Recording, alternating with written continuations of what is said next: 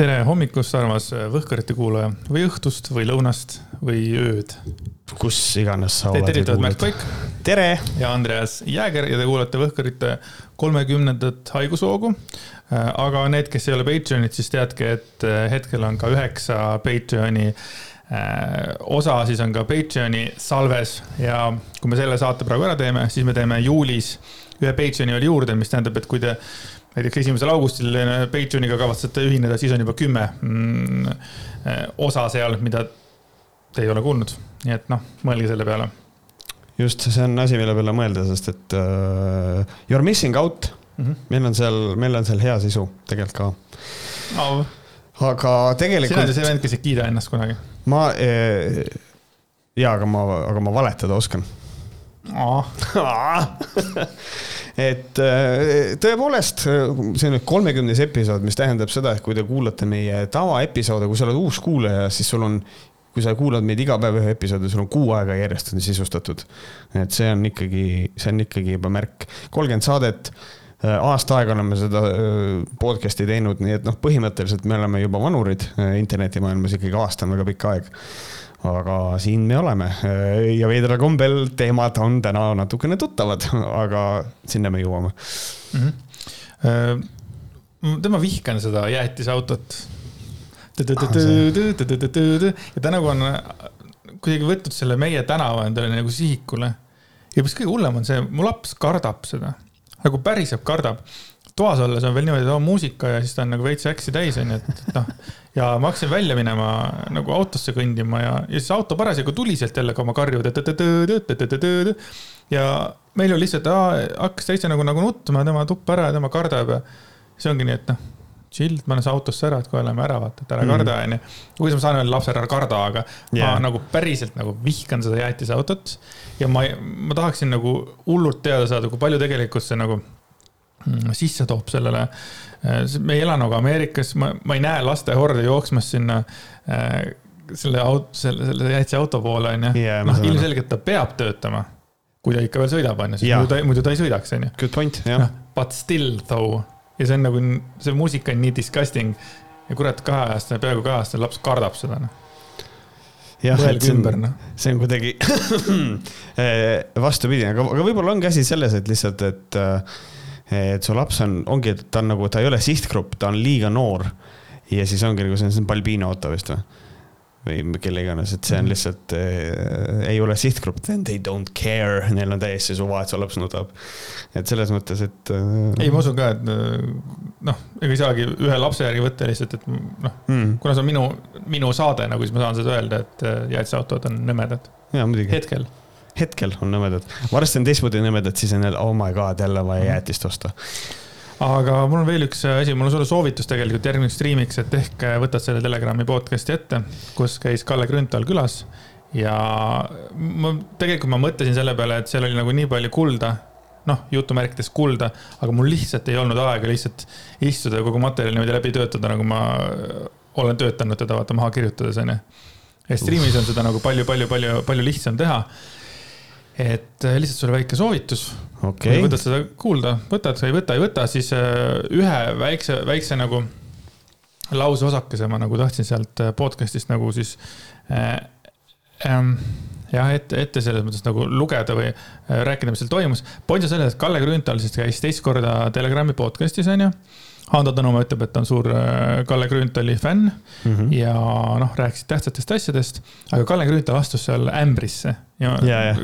et siis arutaks korra selle üle ka. Kalle Grünthal ütles sihukese asja.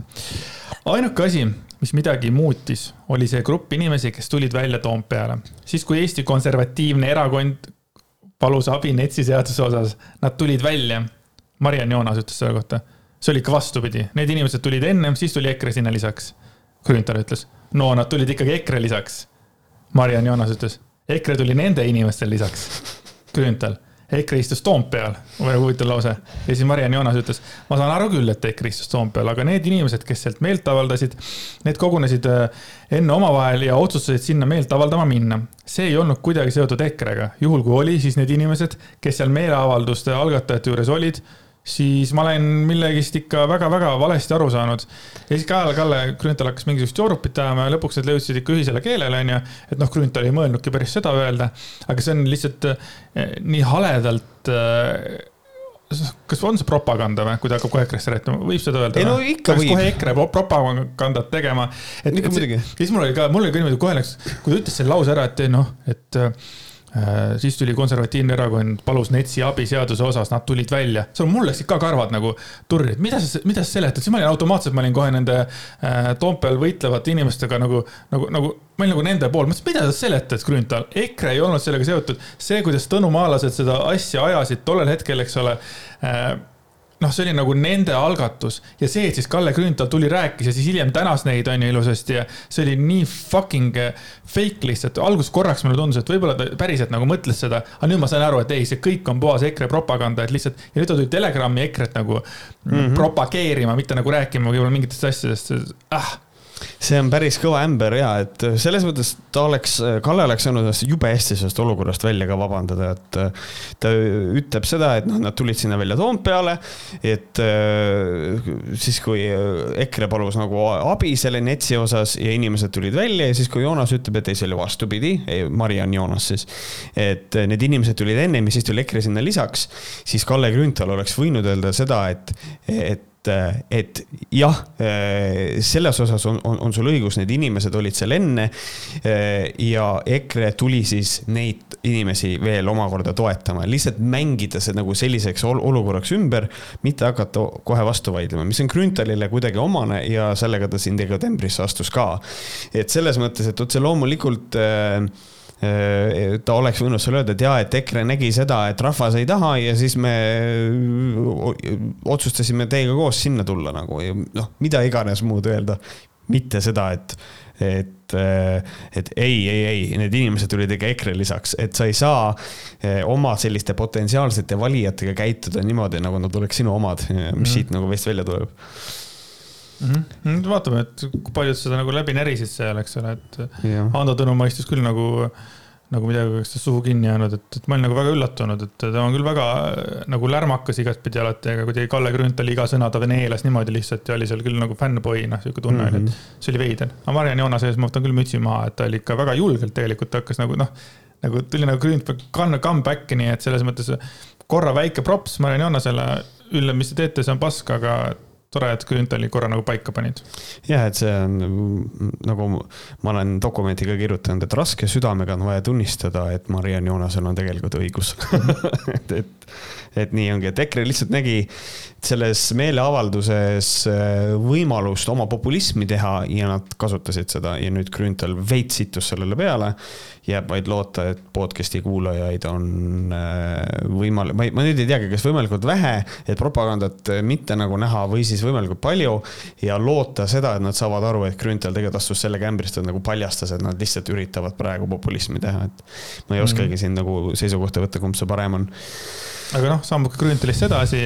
On ka see, et tulid uued äh, tulemused siis, reitingud õigemini, äh, mis, mis seis siis praegu on erakondade seas ja kisub ikka väga veidraks see asi, et äh, Reformil on alles kakskümmend neli protsenti ja tuleb öelda, et on alles ainult kakskümmend neli protsenti, sest ta ikkagi oli siin üle kolmekümne vahepeal yeah.. ja EKRE on jõudnud kahekümne kolme protsendi peale. ehk siis protsent allpool, just. et äh, ma, ma, ma olen nagu veits nagu sõnatu, et vahet ei ole, mida EKRE-s tehakse, et see töötab.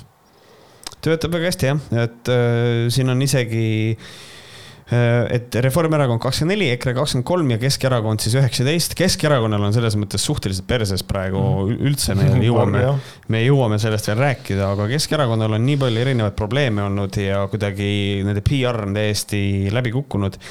niimoodi, et keskel on üheksateist ja siis nende järel on Eesti kakssada äh, kolmeteistkümne protsendiga. Äh, ja siis on sotsid üheksa ja Isamaa on seitsmega. jälle küsimus, miks on Isamaal seitse? Kes on need inimesed, kes Isamaad valivad, ma saan aru, kes valib EKRE-t, kes valib Keske, kes valib Refi, kes valib Isamaad, kus on see seitse protsenti? see seitse protsenti tuleb ilmselt selle pealt, et Isamaal on piisavalt palju liikmeid äh, ilmselt, et nende pered on äh,, annavad nii palju kokku. ja siis on ikkagi üsna kurb on see, et rohelised istuvad ikka kolme protsendi peal, kuigi ma näen ainult roheliste kirjutisi lehtedes, ma kuulen rohelistest ja nii edasi, aga nad on ikka ainult kolme peal.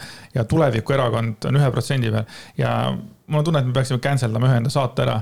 me rääkisime kunagi traditsioonilisest põrest. me ja. tegime pool saadet, me rääkisime erakonnast nimega Pere ehk siis Põre onju.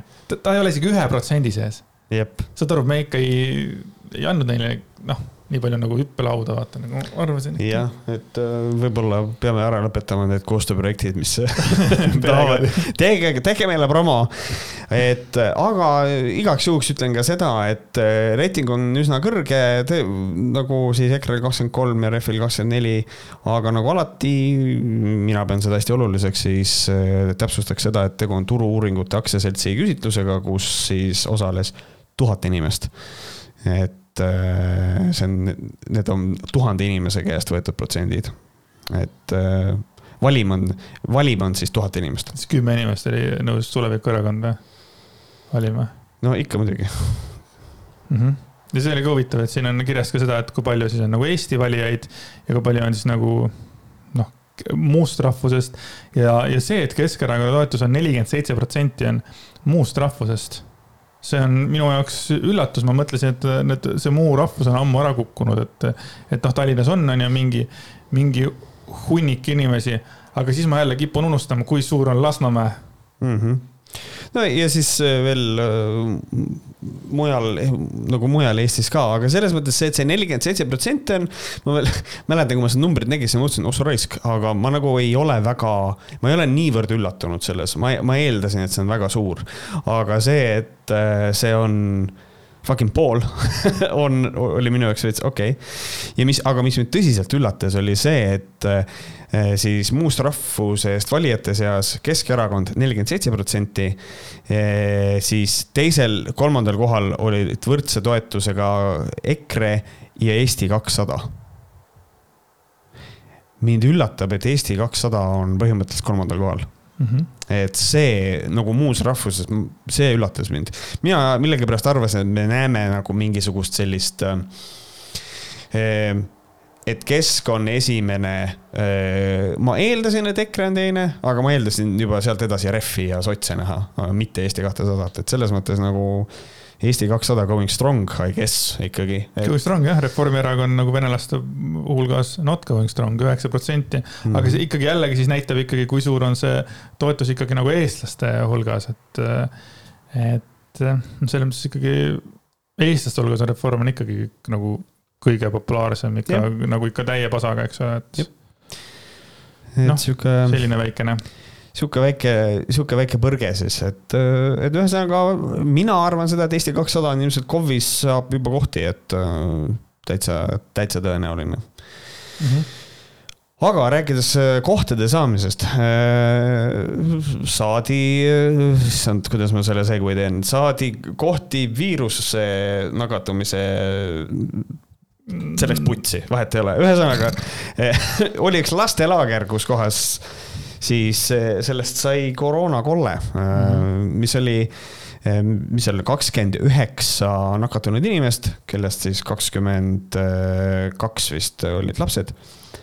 Ehm, ja minu esmane info, mis ma sain, oli see, et oli lastelaager ja seal oli koroonakolle. kakskümmend kaks pluss neli last mingi kaks, kaks mingi vahetust oli, et Aa. esimeses vahetuses osa, osalenutest on praeguseks haigestunud kakskümmend kaks last ja teises seni teadaolevalt neli, ülejäänud kolm haigestunut on laagri personali seast. just. kes jätkasid vaatamata haigusnähtudele tööd. Brave, how fucking brave mm. -hmm. Siis minu esimene asi oli kohe see, ma ei teadnud seda jär-, infot, mis sealt veel edasi tuli, aga mina olin täiesti jahmunud, et wait a minute, et teil olid nagu sümptomitega lapsed nagu ja siis tal oli nagu see, et ei, meil on siin tead koroonanumbrid on nii väiksed ja siis ei tehtud mitte midagi. et see on minu arust natukene naljakas, et ei tehta teste või et isegi ei isoleeritud, nagu ma aru sain, mis on täiesti pöörane nagu ja siis minu arust, mis oli lihtsalt sealt edasi, oli täiesti loll, mis välja tuli, oli see, et äh, selle seda laagrit pidas inimene, kes on ametilt perearst ja siis, ja siis see oli minu jaoks nagu täiesti nagu šokk, et nagu. ega tema ei saa ka igal pool olla nagu. True, ta ei saa igal pool olla, aga lihtsalt, et see kuidagi keeras selle veel eriti hapuks mm, -hmm. et mhm. nagu mingi perearst veel peab seda ja siis on niimoodi perse see, ma ei tea, ühesõnaga see on uh, how fucking brave, et jääb üle loota ainult seda, et nende laste vanemad on vaktsineeritud ja et see asi on natukene nagu piiratud, et sealt see asi väga palju edasi ei lähe. noh, lugu looks on ju, aga siis äh, minu üks lemmikinimesi, Meeli Lepson äh, jagas uh, uh, jagas Facebooki seinale sellist mõttelendu jagan kinnises grupis kommentaariga. miks seal artiklis ei räägita S-sugi sellest, et sümptomid lastel olid mis sümptomid lastel olid. ilmselt ühel nolgil tuul tekitas nohu või sai päikesepistes peavalu, mille tõttu lasti käiku PCR-test kõigi peal ja ohoo, koroonakolle, kõik ruttu vaktsineerima. kommentaariumist loeb välja, et seda lastelaagrit korraldasid Paide haigla perearsti vaktsiinipromoja Ingrid Alt, küsimärk. pakuks, et äh, see on planeeritud manööver, et lastele enne kooliaasta algust vaktsiin peale suruda. vaadates, kuidas igal pool mujal Euroopas astutakse samme vaktsiinide kohustuslikuks muutmise suunas, siis ilmselt reformimaffial on ka käsk, eesmärk samas suunas liikuda ehm, noh, see jälle on täiesti nagu pöörane, siin vahet ei ole, mis kuskil midagi toimub, kohe tõstavad pea sealt kuskilt mulla alt välja mingisugused, no jaa, aga. ja siis hakkavad mingisugust vaktsiini teemat ajama, onju. ja noh, see, see ka, et et mis sümptomid lastel olid. ilmselt ühel nolgil tuul tekitas nohu või sai päikesepistes peavalu, mille tõttu blablabla bla, nagu, aga millele sinu see nagu tugineb siis? Jah, et see on äh, just, et mis sümptomid lastel olid, on minu arust nagu täiesti ebaoluline, et nagu. no ma saan aru, me räägime praegusel hetkel inimestest, kes arvavad, et see kõik on mingi suur massiivne bullshit ja et nagu noh, et nad ei usu seda koroona levikut ja kõike seda. et siin ei ole nagu mõtet väga palju otsida seda, et noh, et miks need sümptomid olulised on ja et ma ei tea, tuul tekitas nohu või noh, tegelikult nohu ei tekita tuul, aga sure, mida iganes. et et, et arvatakse, et see on mingisugune manööver, ehk siis ühesõnaga viidatakse nagu sellele, et see perearst ise orgunnis sellise olukorra, et saaks teha PCR-testid, millesse nad ei usu, eks ole, need koroona eitajad. ja siis selle pealt, et see nagu mingi propaganda, mingi false flag asi, et, et kutsuda inimesi või tähendab lapsi vaktsineerida enne kooli, mida on minu arust palju lihtsam teha niimoodi, kui valitsus lihtsalt võtaks ette otsuse, et vaktsineerimata lapsed ei saa kooli minna ja siis tehakse vaktsineerimine palju lihtsam, kui hakata mängima mingisugust sihukest false flag'i läbi, see on nii lollakas. mul on, juhe on nagu täiesti koos. kusjuures tuleb meelde kohe, võtan teema kõrvalt ehm, Tartus äh, üks noor äh, korvpallur äh, lahkus meie hulgast ühe õnnetuse tagajärjel. ja siis seal kommentaariumis oli ka see, keegi kirjutas, et kahju, et oma hooletuse tõttu, see inimene hukkus, põhjust ma mainin hiljem. aga et ja siis selle alla nagu hakkas tekkima, et, et et mis see tema hooletus oli ja siis tuli sinna alla kohe kommentaarid, et noh, et ju ta lasi ennast vaktsineerida ja siis sellepärast, et suri ära ja kõik. tegelikult naisterahvas sõitis äh, rongi ette jalgrattaga. et äh, esimene asi, nii kui keegi ära sureb, on prolli, on see, et ta on vaktsineeritud ja absoluutselt ei süüvita sellesse, kuidas inimene hukkus, mis on täiesti okse, täiesti haige. Ja täpselt samamoodi juba kui see jalgpallur ühe platsi peal nagu ära suri korra siis oli ka, kohe hakati vaktsiinidest rääkima, et see on, see on minu arust erakordselt pöörane. see oli, ja ma nägin ka seda, et kohe a la mingi paar kommentaari oli see, et väga suur ja siis väga kurb lugu on ja siis neljas kommentaar oli, et aga kas ta oli vaktsineeritud, miks ta niimoodi käitus, miks ja. ta sellise otsuse, mis iganes, nagu, nagu noh, jah, okei okay,, siin on nagu mingid nagu mingi kuskil on nagu mingid piirid nagu, et kus võiks mm -hmm. nagu ära kommenteeri.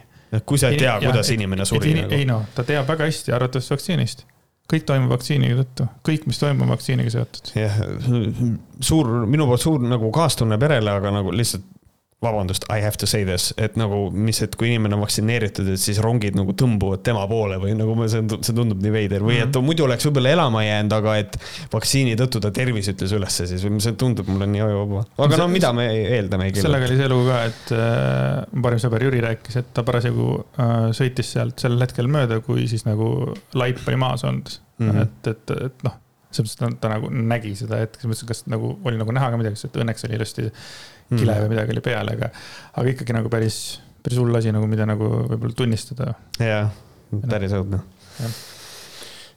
nii, aga, aga räägime siis äh, lähme siis, lähme siis äh, back to fucking basics äh,. Meri, Meeli Lepsonist on räägitud äh,. räägime siis Merilin Taimerist põgusalt mm, -hmm. tuntud ka kui The Naked Carrot ehk paljas porgand. just, kui me vaktsineerimisest rääkisime, siis me korraks tahame veel porgandi juures ka ühe asja, mis ta nagu kirjutas enda kontol ähm, ta andis nagu nõu inimestele, töölistele ja kõikidele. kui tööl nõutakse teilt vaktsineerimist, siis mida teha? Pange oma bossile lauale dokument, kus ta siis kirjutab alla, et kui teid tabab kasvõi ajutine töövõimetus või pikaajaline töövõimetus või surm, siis tema maksab selle kinni. pange sinna kirja, mitu miljonit te tahate ja vaadake, kas kirjutab alla. kas tema on valmis teie elu eest vastutuse võtma, ma kahtlen selles väga. enne kui ma sinu kommentaari selle kohta küsin, siis äh, saad aru, kui ma nägin seda Borksi äh, kontol, ma mõtlesin, et täiesti perses, et nüüd kohe nagu ähm, noh, kõik äh, ametiühingud ja kõik mõtlevad, et issand, kui hea mõte ja kõik hakkavad seda tegema nüüd. aga, tead, ma lihtsalt nagu irooniaga mõtlesin, et nagu, et nagu, kas sa oled debiil või? ja siis Telegrami podcast'is Kalle Grünthal rääkis sama asja. et äh, temani on jõudnud sihuke hea idee, et näed nüüd, kui tööandja survestab, siis pange leht laua peale ja, ja öelge siis talle, et tema vastutaks ja mis tähendab, et huvitav, kas Porks andis selle idee siis nüüd Grünthalile, kes omakorda siis hakkas seda nüüd, jagas ülejäänud tõnumaalastega ja see nüüd see levib siis või see on nagu mingisugune nagu varasem teema on, kus Porks korjas üles selle Grünthali kõik samal hetkel või? ei, ma arvan, et Kalle Grünthal, niisugune vana mees nagu ta on, võib-olla ta vaatab Porksi tagumike pilte ja siis äh, sealt selle infoga sai, et äh, eks see variant võib ka olla. aga mis sa siis nagu arvad sellest, et mul ei ole sealt nagu väga palju midagi arvata peale selle etappi. et selles mõttes, et ähm, äh, kui meil on eraettevõte, siis eraettevõttel on põhimõtteliselt õigus nagu nõuda sellist vaktsineerimist ja kui tal on põhjendatud nõuded, et sa puutud teiste inimestega kokku ja me, me nõuame, et inimene oleks vaktsineeritud, siis ei ole sinu, sina, tähendab, absoluutselt sa võid selle laua peale panna, aga sa pead aru saama sellest, et ini-, et nagu see inimene ei pea sinna alla kirjutama. et äh, tegelikult küsimus on nagu see, et kui sulle ei sobi see, et sa pead seal töötama vaktsineerituna, siis sa lihtsalt ei tööta seal. et see on nagu kuidagi, ma nagu ei saa sellest aru, et kas siis kas Merilin Taimre point või Palju Porgandi point on siis nagu see, et kui sa saad hästi palju raha, siis sa võid saada vaktsiinikahjustusi, et siis sa oled nõus süstima ennast. minul tekib siin nagu see küsimus, et kui, mis siis saab, kui ülemus alla kirjutab? et nagu ta võib täpsustada, ma korra veel, et ta võib täpsustada, et mitte, et ähm, kasvõi ajutine töövõimetus või pikaajaline töövõimetus või surm, aga siin konkreetselt vaktsiini tagajärjel, see klausel on vaja selge eh, nagu, nagu panna paika. ja et siis lasta, lasta nagu põhimõtteliselt kirjutab alla, et kui ta alla kirjutab, kas sa siis lased ennast vaktsineerida või? no tund-, no ei no see on ikkagi niimoodi, et ma saan siis visata selle nagu näkku bossile, et noh, sa ei ole nõus vastutust minu elu võtta, minu elu ka võtma seda vastutust, on ju, et ma ei saa siis nagu vaktsineerida. aga minul tekkis kohe küsimus selle kohta, et, et kui teid tabab kasvõi ajutine töövõimetus, et ma teen süsti ära, ma ei tea, nagu ma aru saan, siis korraks võib-olla mingi, ma ei tea, süda paha, peavalu või mingi asi, on ju. ja siis kohe miljonid lendavad või kui midagi ei juhtu, kas siis see, kui ma hakkan rääkima, et mul on nii halb olla ja mida iganes, topin näpud kurku, ütlen kõik, siis ma saan nagu miljoni selle eest, et. et see, see on nagu mingi uus skämm ju nagu, mida elu sees ei saaks nagu läbi lasta, isegi kui oleks mingisugused bossid, kes nagu oleks seda nõus tegema. kuigi ma arvan, et keegi on nõus tegema, sellepärast et äh, sa ei saa võtta vastutust ju millegi eest, mis ei ole nagu selles mõttes nagu päris sinu oma, see noh, kuidas ma seletan, et nagu vaktsiinidel on kõrvalmõjud, no see on sama, et see on nagu iga rohuga, seal on kõrvalmõjud, mis võib mm -hmm. tabada ükskõik nagu seda, nagu kuidas sa saad sundida oma ülemust võtma vastutust selle eest, et sina teed süsti mm? -hmm. sa, sina ju teed, keegi ei suru sulle seda, kui sa tõesti, nagu sa ütlesid jumala hästi, kui sa tahad seal töötada, noh, siis, siis, siis sa teed selle süsti, onju. kui see, kui sulle ei sobi see äh, pakutud variant, siis sa lihtsalt äh, lahkud leiad parema töö, sind ahistatakse. täpselt, noh, see on, see on põhimõtteliselt see, nagu ma ütlesin, et, et noh, et kui sa ei taha ennast vaktsineerida, siis ära suru lepingut näkku, siis lihtsalt mine ära sealt töölt. et, et vastasel juhul sul on see, et äkki sul on see probleem, et kui boss on nõus, siis sa pead ju süsti tegema. et see on niisugune väga, väga kummaline loll mõte iseenesest mm. -hmm aga lähme selle põhiteema juurde. Lähme nüüd porgandiga ka jätkame, et keedame seda porgandit edasi. juhtus siis selline asi, et äh, oli siis äh, aastal kaks tuhat üheksateist äh, oli kolmkümmend null üheksa oli kuupäev ja sihukene saade nagu Laser oli TV3 eetris, kus siis käsitleti ühte viljakusmonitori. mäletan seda saadet, mäletan seda saadet. selle saate nimi oli, või tähendab, selle viljakusmonitori nimi oli Daisy ja eh, Paljas porgand oli seda siis ka seal reklaaminud oma Instagramis, nagu ma aru saan, ja ta oli selle kohta öelnud igasuguseid toredaid asju ja saates siis tehti teatud selliseid katseid ja väideti, et Paljas porgand põhimõtteliselt valetab viljakusmonitori efektiivsuse andmetega. pluss ta saab selle äh, monitori äh, läbimüügist ise rahalist kasu, mis tähendab seda, et on huvide konflikt mm. -hmm ja palju, mulle meeldib artiklis on väga ilusasti sõnastatud, paljas porgand pidas neid väiteid valedeks, mis on nagu see, et noh, et ühesõnaga siin seatakse teatud mõttes kahtluse alla selle inimese vaimne tervis juba minu arust. ja ta nõudis, eh, et talle hüvitatakse siis mittevaraline kahju ehk siis niisugune vaimne kahju, mis laser talle tegi, see on kümme tuhat euri ja Robert Sarv loomulikult esindas teda, andis hagi sisse, äh, selle peale äh, ta kulutas Robert Sarve peale ka veel tuhat ükssada üheksakümmend eurot. Äh, ta tahtis, et TV3 ka selle kinni maksaks. ja siis juhtus niisugune tore asi, et seda hagi ei võetud menetlussegi, vaid asi lahenes lihtsalt niimoodi, et nüüd Taimre peab ise oma, peab kinni maksma oma kulud Robert Sarvele põhimõtteliselt ja TV3 omad ka. ehk siis põhimõtteliselt, äh, et kaotas väga karmilt, äh, et äh, ja nagu ma aru sain, Instagramis juba rääkis, kuidas süsteem on tema vastu. mis on naljakas, et üldse süsteemi poole pöördus, aga noh, me ei saa inimestele ette öelda, mida, mis nad tegema peavad või. no see väga armsalt oli öeldud, et väited ei tekita paljale porgandile kahju, kuna need ei halvusta teda ja pealegi on suunamudijal kui avaliku elu tegelasel kohustus taluda kriitikast. kas, kriitikat, kas seal oligi selline lause sees või? Eh, ma arvan küll, kas just niimoodi, aga ma arvan, et eh, parafraseeritult kindlasti. aga see on päris, eh, päris hull statement tegelikult minu arvates, et suunamudijal kui avaliku elu tegelasel on kohustus taluda kriitikat mm. -hmm. selle kohta minu arust on, meil on isegi, mm, ma ei mäleta, me oleme sellest vist ka siin saates rääkinud, et äh, mingisuguse solvangu kohta keegi, keegi nimetas kedagi poliitiliseks prostituudiks. ja siis oli ka kohtuotsus, ütles, et tegu on avaliku elu tegelasega. Äh, ja et seal äh, peab olema suur kriitikataluvus. et seda ma tean, et see on tegelikult juba enne öeldud meie kohtusüsteemis sihukest asja. okei okay ja mul tuleb ka nagu midagi meelde, aga mis sa mõtlesid, huvitav, kas seal oligi nagu kirjas nagu kohtuotsuses niimoodi, et et nüüd siis, et kui sa oled suunamudija, influencer, et siis sul ei ole mõtet väga minna siis ülbitsema kohtusse. Sest äh....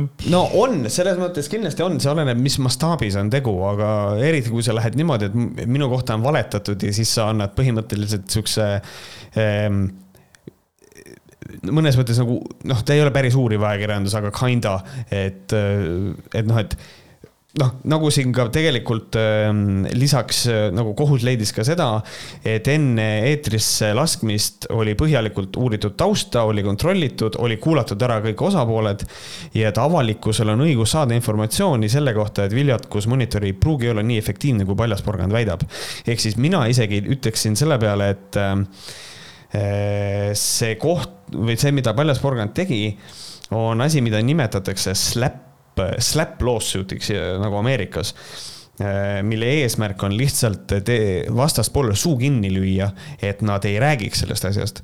Äh, ja see on ähm, äh, ehk siis SLAP ehk strategic lawsuit against public participation ehk siis selline no see oli veits nagu lihtsalt, et natukene kasu lõigata ja see, et siis laser peab vabandama, ütlema, et nad võib-olla valetasid või noh, midagi sellist. et see on lihtsalt nagu mingi enda näo päästmine mulle endale natukene tundub. aga lõppkokkuvõttes ei, ikkagi kõige rohkem võitis sellest asjast minu arust Robert Sarv jälle. jälle, et selles mõttes, et nagu ma tegelikult ühes oma striimis ka ütlesin, ma leian, et ma tahaks seda ka siin välja öelda. ma natukene leian, et praegusel hetkel Robert Sarve tegevus on natukene ikkagi, ja kui ma ütlen natukene, siis ma mõtlen ikkagi nagu päriselt et see on natukene ebaeetiline. sellepärast, et ma leian, et ta ei tohiks jätta inimestele seda muljet, et minuga me nüüd võidame ja äh, lööme vastastel suud kinni. et mul on selline tunne, et ta tekitab inimestes natukene sellist äh, valet arusaama, et nüüd nad saavad raha kümme tonni, et siis, et ma leian, et see päris õige ei ole. vot nagu meile ka kirjutas ju äh, üks äh, juristi haridusega inimene, kui ma ei eksi. et tegelikult, et üks õige jurist, üks õige advokaat ei ütle oma kliendile, et, et me läheme ja me võidame selle kindlasti. et noh, need asjad niimoodi ei tohiks tegelikult käia, et jurist peaks ikkagi olema nagu see inimene, kes ütleb, et no me anname endast parima, siin on selline võimalus, siin on selline võimalus, noh, et ühesõnaga ma leian, et see on natukene kole on see asi, et ma loodan, et Robert Sarv tõmbab natukene sirgeks, but money smells good selles mõttes. jah, jääme jälle selle juurde, et noh, kui kellelgi vaja kedagi kohtus kaevata, siis nad teavad ainult ühte nime ja jälle ja. Robert Sarve nutsu kukub jah, just. aga see... väga vahva, et see, see uudis nagu välja tuli tegelikult, et Margaret ja. Petrova Kroonika, aitäh selle artikli eest mm. -hmm. et, et väga äge ja Kroonika üritas äh, Palja Porgandiga ka kontakti saada, aga ei saanud ega see on nagu laser ju vaata, siis kui laser helistas sinna Porgandile, siis Porgand, aa ei, mul on praegu saate ja salvestus ja et saatke mulle meilile ja siis helistab järgi, ei no mul on see ja ta lihtsalt ei vasta nagu yeah.. ja ma olen kuulnud ka teistelt allikatelt, et Porgandiga on väga raske nagu ühendust võtta. ja ma nagu siiamaani olen veits nagu aru saa-, noh, ma, ma ei saa nagu hästi aru, et, et, et mis, mis, mis artikkel või mis asi see oli, mis talle siis niimoodi haiget tegi Porgandile? et ta, et ta nagu noh, nüüd äh, räägibki, et kõik meedia on vaata ühe kallutatud ja paska, ta ei suhtle selle meediaga. et no ilmselt mis, mis, mis artikkel see oli, mis ma... artikkel see oli, see, need oli enne, see oli juba enne, kui need, kui need äh, Kertu ja Anette mm -hmm. artiklid ilmus, see oli juba enne seda ta juba. see oli enne, jaa. tegelikult, et peaks võid guugeldama, otsima üles. võib-olla, või on asi tegelikult võib-olla juba selles ka, et ta lihtsalt on mingi aja jooksul muutunud siukseks äh, vandenõuteoreetikuks, et arvabki, et meedia on kõik ära ostetud ja Big Pharma poolt ja kõike seda, et. et, et siin nagu see variant on ka, et ta ongi lihtsalt ma ei taha kasutada seda sõnu, aga aju pestud natukene mingisuguse väljaande poolt ja ongi pekkis. noh, et siin ei ole nagu palju, siin ei ole nagu palju teha, aga selles mõttes open challenge, äh, paljas porgand. Äh, mina olen alati valmis äh, sinuga vestlema sellistel teemadel. ma ei tea, kirjuta mulle või hüppa mulle striimi kunagi või ma ei tea. räägime, kas, kas oleks pidanud kohtus võitma või mitte. I m very interested mm. -hmm võtame vahepeal ühe kirjakese. võtame ette. ma võtan selle kirja ise, sa võta teine, teine kiri hiljem mm. -hmm. teeme nii. tere, Märt ja Andreas. kujuneb vist traditsiooniks, et alguses tuleb öelda, kaua ma teid kuulanud olen. tütre soovitusel hakkasin Võhkareid kuulama jaanuaris kaks tuhat kakskümmend üks. olen kuulanud valikuliselt ka vanemaid haigushooge. mulle väga meeldib Patreon, see on nagu Andreasele must kuu, andke ainult veel. lolluse ja pohhuismiga peab võitlema teete seda suurepäraselt ja kordades paremini, kui mina sellega üldse kunagi hakkama saanud oleksin. lolluse hääl ühiskonnas on saanud liiga prevaleerivaks. mulle meeldib mõte piiblist, et usku tuntakse tema viljadest. palja porgandi, soovitusi või EKRE populismi kummardamine tundub äh, tervele mõistusele masohhismina, kuid paljud suudlevad nende jalajälgi. ehk et kui inimene oma usus ära keerab, on tegemist ikka väga sita religiooniga. veel sügavamale minnes ei saa ma Varrost ka aru, kristlane ma ei jääs Vatikanis on üle pika aja üks äh, rõemuspapi, kes palvetab kogu maailma eest, kuid tema karjas on äh, pedevihkaja ja naisepeksu apologeet. Äh, Varro ei ole kristlane, pigem satanist ajendas mind kirjutama Andrease soov, et roolijoodikutel mingu halvasti. ma mõistan Andrease siirast mõttepahvakut. see Roiu tee avariis lapse kaotanud rase naine on üks õõvastavamaid näiteid. ma paarkümmend aastat tagasi olen samuti sõitnud ikka väga süsi peaga, mõnda korda olengi, olengult mõnda korda olengult koju. noor loll ja roheline inimene on natukene nagu ravitav haigus. praegu mõtleb sellele ja tänan kõike äh, ja kõiki, et midagi ei juhtunud ja häbi on nii suur, nii suur, et tuletab end aeg-ajalt meelde ja siis ikka uuesti. see enda piitsutamine on kõige suurem karistus. ma ei tolereeri joobes peaga sõitmist, see on saatanast, kuid äh, halastus tekitab head karmat. vahel peab halastama, sest me ei tea, mis osaliste ajudes toimub. osaliste siiras kahetsus aitab kaasa. Maira Aunaste pole enam just kõige rohelisem ja tegu oli õudne, kuid äkki ta praegu äh, on väga suures kassiahastuses halastuse puhul ma ei räägi siin saripedofiilidest ja naisepeksjatest, neile tuleb kohal, kohaldada avalikku kastreerimist nürinoaga. olge tublid ja keep going, Erlend aitäh kirja eest. Äh, aitäh, kirja eest. Äh, ja aitäh ka siis äh, meie Patreonis toetuse eest suur,. suur-suur tänu. noh, mina lihtsalt ütlen seda, et sari pedofiilidest ja naisepeksjatest, ka nemad vajavad minu arvates rehabilitatsiooni ja ma neid avalikult nürinooga kastreerima ei hakkaks, sest et see on piinamine ja mulle piinamine ei meeldi aga ma saan aru, kust võib selline seisukoht tulla iseenesest, mhm. et. Äh, no ma sain veidi jah kriitikat selle kohta, kui ma ütlesin, et ma loodan, et teiega ei juhtu midagi väga halvasti mhm. kohta, et noh, ma jään siiski sõnadele kindlaks, jah mm.. ja mm, -hmm. ja, ja, ja, ja nagu mina ütlesin selles samas episoodis, mina ei soovi kellelegi otseselt halba. ja Erlendiga ma tunnen selles mõttes nagu äh, noh, mõtted, mõtted kattuvad äh, joobes peaga sõitmisega ja tänamisega, et midagi ei ole juhtunud. ja, ja selles mõttes ma usun, et äh, võib-olla mul on õigus natuke rohkem sellest rääkida, teades ja olles olnud inimene Lähme siis järgmise teema juurde siit, äh, kus siis mainime natukene siin tuleb jälle porgand mängu, nagu ma aru saan. et aga Andres Ansip. Äh, Andreas, Andreas Ansip. tuli ära, jah. Ähm, Andrus Ansip, kes, mul on meeles see, et ta käis äh, kas vist ajateenijatel külas ja siis tema autojuht oli Andres Ansip, see mul elu lõpuni meelde. Jesus. Ähm, aga see on ah. mingi poeg või vend või? Ei. suvaline autojuht lihtsalt. suvaline autojuht oli vähemalt minu arvates. siis on pilt on ka tehtud, kuidas ta on selle teise Ansipi kõrval ja näitab näpuga, et, et ta on Ansip. aga äh, Andrus Ansip ütles seda, et inimesed peavad olema kaitstud ja äh, kai-, äh, kaitstuse tagab vaktsineerimine. kui tahad sõita Elroni rongis, kui tahad minna kooli esimesel septembril, pead olema vaktsineeritud. avalikesse kohtadesse peaksid inimesed minema siis, kui nad on vaktsineeritud. küsimus pole vaktsineerimata inimeste vapruses, vaid selles, et nad ohustavad teisi inimesi. kui lähed restorani, siis peaks olema inimene kindel, et saab sealt ära tulla tervena, ütles Ansip. mis on kuidagi nagu, ma saan sellest aru, absoluutselt aga ma kujutan endale ette seda, et tegelikult sellist asja öeldes saavad natukene pihta ka need inimesed, kes mingil põhjusel ei saa ennast vaktsineerida.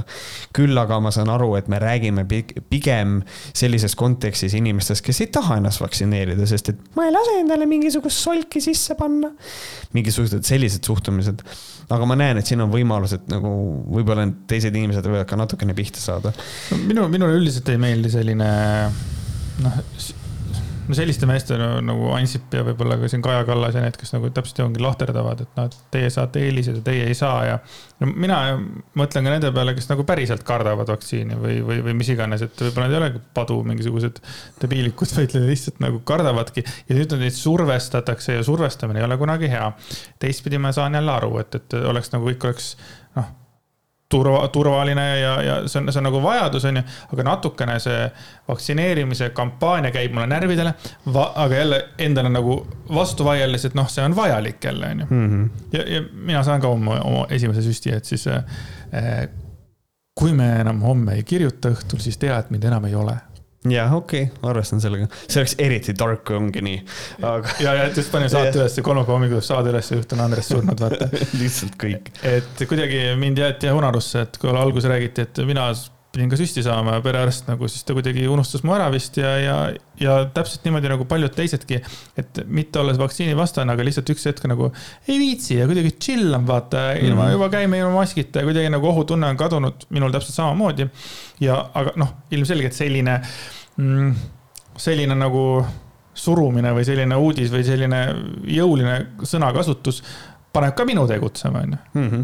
ja ma mõtlesin ka korra, et, et oo, lähen ka sinna, no ma ka ei viitsi tead sinna mingi digilukku minna, nagu siin ka sinu striimis vaieldi umbes, et, et umbes, et no kui raske on äh, panna digiloos ennast kirja ära ja siis inimesed seisavad kolmekümne viie kraadiga on ju väljas on ju. aga tead, ma olen ka natuke selline, et ma ka lõpuks lähen sinna, mis ma teen, siis mõtlesin, et okei okay,, ma lähen ka sinna A Le Coq'e omasse, siis mõtlesin, ah fuck it ma panen ikka selle aja ära, et mm -hmm. siis on nagu kindel, et selles mõttes, et ma saan, et ma ei lähe seisa, seisa seal sellega, et seista ma ka ei viitsi tegelikult ikkagi jaa, just. aga see on, see on ikka veitsa on tüütu, tehke, mis tahate, et äh, see kirjapanek, vaata. Iga, igale jah. poole see digiloov mingid asjad, onju. alati, kui sa pead midagi korraldama, siis on, äh, siis on tüütu, et noh, isegi ma käisin, ma käisin täna omal ID-kaarti välja võtmas PPS-e, see on ka sitaks tüütu, sest et seal on järjekord. mis pilt seal peal on, kas seal on äh, selline pilt, patsiga pilt või kilekas pilt? see see ah,. värske pilt jah. värske pilt jah, äh, muidu pro tipp kõigile, kes tahavad ID-kaarti uuendada, kõige lihtsam viis seda teha on kõndida PPA-sse sisse, mitte võtta järjekorranumbrit, teha foto ära äh, koos allkirjaga, siis minna koju, minna iseteenindusse, iseteeninduses taotleda oma ID-kaart, see on viis eurot odavam. ja siis oodata, kuni teil kaart kohale tuleb ja siis alles minna järjekorda seisma, et mitte kaks korda järjekorras seista, see on minu pro, pro tipp, kuidas te saate oma aega ja raha kokku hoida nüüd selle Ansipi jutu peale siis ah,, mis ma tahtsin veel kõrvale öelda, on see, sa ütlesid, et mõned inimesed kardavad päriselt vaktsiini. ma arvan, et Meeli Lepson kardab päriselt ka vaktsiini, et selles mõttes, et eh, need inimesed lähevad sinna alla. Ehm, aga mida ütles Porgand selle peale? Eh, ma ei saa aru, kas süst on ajud pehmeks teinud või mis värk on. sa ju süstid, et ennast, mitte naabri Kallet ja Mallet kaitsta. mis on eh, järjekordne suurepärane näide sellest, et tegu on inimesega, kes absoluutselt ei ole aru saanud, millega Eesti üritab tegeleda. Eesti üritab tegeleda sellega, et me saaksime tekitada siis vaktsineerituse protsendi tõsta seitsmekümne viieni, et tekiks karjaimmuunsus ehk siis, kui sa süstid ennast, siis sa tahad kaitsta ennast ja Kallet ja Mallet, kes on su naabrid. ehk siis see on nii enda kui ka kõigi teiste kaitseks, just nimelt me vaktsineerimegi. You absolute fucking moron. noh, minu, minule jällegi tekitas küsimusi nagu ikka see, et kui noh, porgandi ja kala teema on see, et nemad ei ründa teisi, onju. noh, nemad kunagi ei ründa kedagi. aga siis ta ütleb seda, et ma ei saa aru, kas süst on ajud pehmeks teinud või mis värk on ei ole ilus öelda niimoodi. ei, meie puhul on. aga mitte nende puhul, kellel on see halo on kogu aeg ja räägivad, kui head nad on, mida häirib see sihuke kahepalgelisus. putsi, kui sa oled selline vend, kes saadab inimesi perre, siis oled ja siis kuidagi see ongi nagu okei okay ongi normaalne oma avaldust saada, aga siis käia haled, haledalt rääkida, kuidas meile tehakse liiga kogu aeg ja siis samamoodi nagu Ansip võis ka kurb olla praegu mm. -hmm. tema ajud on ära süstitud, mis asja. nii, ja nüüd on meil selline lugu, et mina kohe küsiks või ütleks selle peale, noh, vaat kus reps. meil on nüüd jälle käes see hetk, et me peame Mailis Repsist rääkima. kes ei mäleta, siis Mailis Reps jutumärkides jäi vahele sellega, et siis tema ametiautot kasutatakse tema laste vedamiseks, mis on tegelikult mõnes mõttes selline riigiressursi pildumine isiklike asjade suunas ja siis, äh, mis tekitas veel minus, üldiselt ma olin vist, kui me sellest viimane kord rääkisime, sellise seisukorra, et noh, tegelikult see ei ole ilus, aga mõnes mõttes ma mingi nurga alt võib-olla saan sellest aru, aga jah, ma pean tunnistama, et see ei ole ilus. ja siis järgmise asjana. sa andsid talle teise võimaluse. ma mäletan, et sa andsid talle teise võimaluse. ma andsin talle teise võimaluse, siis tuli välja, et ta on varastanud äh, Jura kohvimasina ja nüüd tuleb välja äh, selline vahva asi, et kui oli tema neljakümne viies juubel siis ähm, põhimõtteliselt käidi väljas söömas Noblis kohas ja selle juubeli sünnipäeva tähistamise maksis kinni haridusministeerium. ehk siis põhimõtteliselt äh, taaskord on rahva raha läinud selle peale, et Mailis Reps saaks pidu panna. Äh, mis tähendab siis seda, põhimõtteliselt siukest kolm üsna koledat asja on nüüd Repsil nagu kaelas ja tuleb tunnistada seda, et äh, minu praegune seisukoht Mailis Repsi kohta on see, et you are an absolute fucking pig.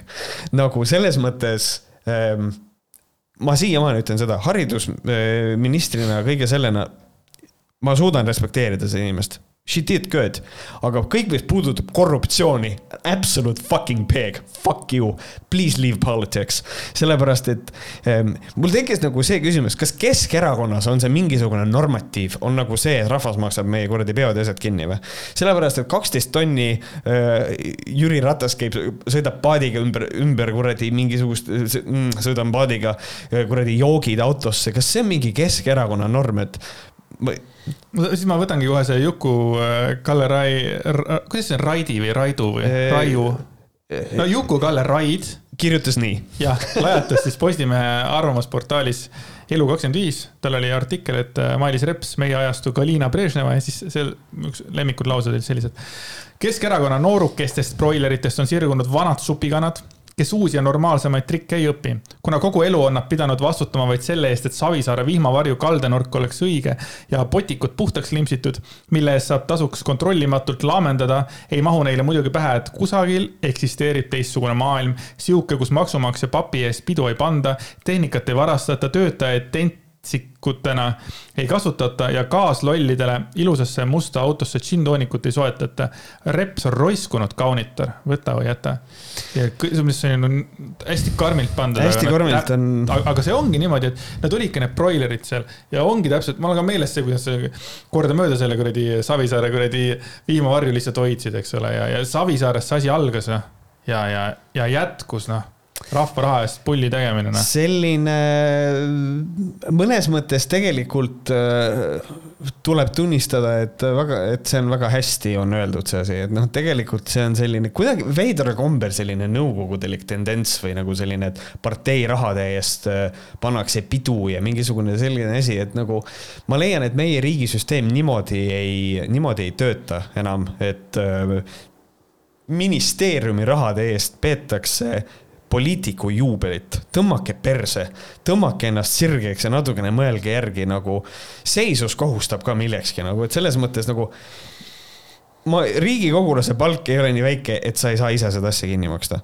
et selles mõttes või kui ei jaksa, siis äkki tõmbad nagu rihma koomale või nagu, siin ongi äh, väga raske on võet-, on võtta tõsiselt sellist poliitikut, kes räägib eh, sellest, et kui raske on meie keskklassil või, kui, või, või vaestel või kellel iganes on raske ja ise ministeeriumi rahade eest elada. et see on nii okse, et see on, ma ma ei kujuta üldse ette, kuidas on võimalik et sihukest asja nagu. neljakohaline summa siis käidi välja selle ühe väikse peokese Moneypepsi. see on, see on tõenäoliselt, eh, sellepärast nagu ma aru sain, siis praegusel hetkel, kuna sellest asjast võib tulla Madis Repsile kriminaalasi täiesti, siis seda infot täpset infot ei ole, ehk siis on küsimused, millele me ei ole veel ajakirjandusest saanud vastust, sest et ajakirjandus seda infot ei saa, sest et asi on uurimise all. on see, et kui palju õhtusöök täpselt maksis siis on, millised on ministeeriumi töötajad äh, peale Repsi, kes selle korraldasid. ja siis tegelikult väga oluline küsimus, millele me ka ei tea veel vastust, on see, kes ministeeriumis oli see inimene, kes kiitis heaks selle arve. sama oli selle Ratase teemaga ju, samamoodi keegi pidi kõik just, need ju just. kinnitama ja ütlema cool. seal on täiesti selgelt tegelikult ka see probleem, et äh, sealt ministeeriumist on vaja välja lüüa päris mitu inimest tegelikult. sellepärast, et antud juhul on väga selgelt aru saada, et äh, ma ei kujuta ette, kes iganes nagu selle asja nagu greenlight'is, et davai, see, see arve sobib küll. ta praegu on kodus higiloigus, lihtsalt täitsa perses, fuck mis liigutab mind edasi ülejäänud selle Keskerakonna juurde ja üldse Eesti erakondade suunas. huvitav, kui nüüd tähelepanu on suunatud nagu selliste äh, korruptiivsete asjade peale, kui paljud poliitikud on kergelt paanikas, et äkki tuleb välja, sest nüüd, nüüd on avalikkuse tähelepanu no arvad, et all of them või mm? -hmm no verjalt rohelised, nemad on, äh, on kõrval ja nemad näevad ja karjuvad. Eesti kakssada arvatavasti ka on puhas. Eesti kakssada ka ja ma tegelikult siinkohal ütleks seda, ma arvan, et Reformierakonnal ei ole põdeda. Äh, ma olen nõus oma sõnu sööma ja ma olen nõus sellega ka, et nad võib-olla on teinud midagi sellist, aga nad on osa, osa, osanud seda peita paremini. niimoodi, et või tähendab, mitte peita, ma ütlen, et tekitada jokk olukord, et juriidiliselt on kõik korrektne et äh, aga Mailis Rebane. Rebane küll, no mis sa teed no?? et, et see, et nüüd on juba kolmas asi, et noh, et siin on nüüd juba see jutt, et noh, et kas üldse selline inimene peaks jätkama üldse poliitikas või mitte? ja siin oli ka, et Keskerakonna kommunikatsioonijuht Andres Kalvik kinnitas, et erakonna sees arutatakse praegu Mailis Repsi jätkamist Riigikogu keskfraktsiooni juhina. Nad arutavad alles seda. Nad arutavad, jah. Saad aru, ta on keskfraktsiooni juht. ta seal hängis Kaja Kallase nendega, kui nad seda tegid uut eh, kuradi põhipunti, vaata mm. -hmm sihukene pätu. ja nüüd on sihukene olukord ja tegelikult asi on nii tõsine ka, et äh, otse loomulikult meedia pommis ju Repsi, et noh, et tahaks teda kätte aga saada. aga Õhtuleht, tubli Õhtuleht on võtnud ikka rebase ikka niimoodi vahele lihtsalt, et ta tegi ju selle laste vedamise loo, samamoodi Õhtuleht võttis ja nüüd jälle, et, et äh, võiks öelda, et rebane on Õhtulehe hammaste ja rataste vahel. aga ma arvan, et Õhtuleht teeb lihtsalt head tööd, rebane lihtsalt oli seal küljes just ja, ja tegelikult Repsiga on nüüd see probleem ka, ma nägin viimast uudist, et, et Repsil on praegusel hetkel, salvestamise hetkel vähemalt on niimoodi, et teda ei saanud isegi Keskerakonna liikmed kätte ta, ta ei vastanud telefonile, talle mindi reaalselt ukse taha. et temaga saaks. ta oli kodus või? Äh, seda ma ei tea.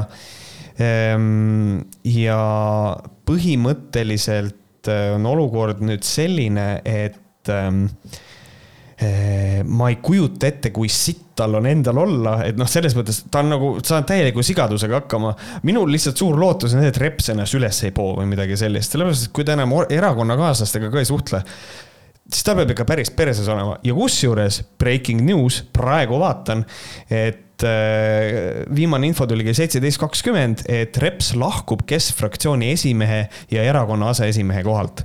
et vähemalt ta nagu mm. sealt ta nüüd eemaldub siis, et äh, mis on noh, ühesõnaga, aga avalikku mingisugust statement'i ta teinud ei ole minu teada siiamaani.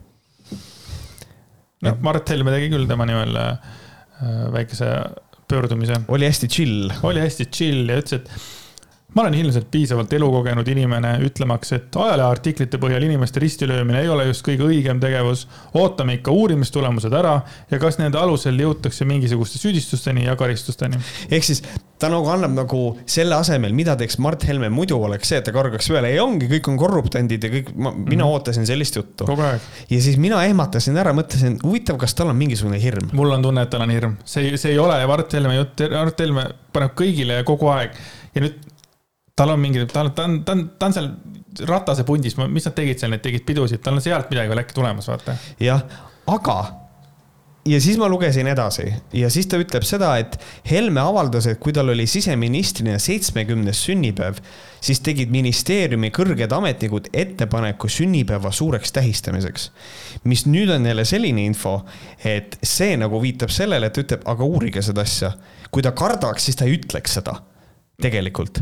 või ta üritab jälgi segada, ma ei tea. aga siin on nagu see, et kui, kui see tema väide on õige, äh, siis äh, selles äh, ametnikkonnas on ikka päris suur koi on sees, et seal on aga äkki ta nagu, ta ei kardagi nagu selle koha pealt, et seal on ta puhas ja siis ta nagu suunabki selle, et no uurige veel nende sünnipäevade kohta mm, -hmm. vaata, sealt ta lükkab veel kaugemale võib-olla sellest, kus ta on pätti teinud, võib-olla ei ole, onju. noh Varro, keegi helistas, ütles, et on, hea küll yeah., hea küll, nalja naljaks. aga et, aga et ongi, ta ütleb seda, et, et ta ei tea, kas see on mingisugune kena komme, et ministeeriumi ametnikud tahavad ministritele meeldimiseks mingeid sünnipäevi, tähtpäevi tähistada. ja siis ta soovitab, et kaevataks nagu ajas tagasi ka. ja ta ütleb, et ta on kindel, et sellist asja on praktiseeritud tunduvalt laiemalt, mitte ainult Mailis Repsiga. et Helme nagu võtab siin sellise positsiooni, et las uurige ja et, et nagu kui tal on õigus, siis noh, mul on nagu, ma siinkohal tuleb tunnistada, olen Mart Helmega nõus, et ma loodan, et me suudame elimineerida korruptsiooni oma riigis. seega ma tunnen, et seda uuri, seda asja on vaja uurida. oi, varsti tuleb jälle, ma olen täiesti kindel, et siin mingi lähema mingi kolme-nelja kuu jooksul tuleb uus pauk. ma ja arvan. Keskerakonnast jälle. tahaks. või mingi Tanel Kiik on mingi kolmkümmend aastat mingisugune elanud Keskerakonna rahade peal, rahva raha peal või mida iganes, käis koolis, need isegi ja, kasvatati kõik, et ta on isegi kunstlikult viljastatud sealsamas kuskil, ta on, ta on, ta on reaalselt, ta ei ole, ta ei ole enam lihtsalt poliitbroiler, aga ta on lihtsalt, ta ongi kasvatatud poliitik. et see oleks iseenesest fun. tegelikult Kiik uh,, I think every now and then you are amazing, et sul on närve on palju, et selles mõttes äh, vähemalt ma ei tea, kust sa need geenid said, kus, kus sind aretati poliitikuks, aga head geenid on. et ühesõnaga põnev, Repsil jälle, vot on, et Repsil on vesi ahjus, tal on boiler täis, ajab üle, et selles mõttes, et see on üsna, üsna halb seis. mis sest Jura kohviautomaadis sai, kas see viidi tagasi või, või ta võttis selle tükkideks niimoodi ükshaaval ja hävitas ära selle? ma arvan, et ta. Krimm, Krimm asi see on jah. ma arvan, et ta oligi ma ei kujuta ette, et ta oli kodus ja tegi sellega lihtsalt kohvi, üritas kofeiini üledoosi saada või ma ei tea, mul on, mul on, mul, minus nagu see empaatiavõime tunneb talle nii palju kaasa, et tal võib nii halb praegu olla. aga teisest küljest uh,, I don't know, don't fucking steal äkki um, um, võib-olla on hea mõte. aga kasvatus on kasvatuse probleem. äkki hoopis Edgar Savisaar peaks võtma kogu vastutuse, et ta on minu kasvatatud.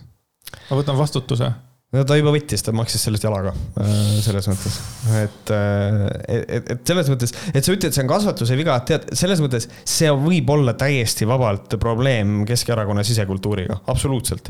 et seal ongi nagu see, et ah, küll äh, see ministeerium maksab, ma leian, et see on. no mis Mihhail Korbis see Mihhail Korb, äh, ma ei tea, meil Vaik... ei ole uut infot, nii palju kui ma tean, et. jälle väga vaikne see asi jälle. -hmm. et aga ma arvan, aga nagu ilmselt uurimine käib, et noh, siin kellega oli veel vai-, ongi vahepeal ongi vaikne, kui asju uuritakse.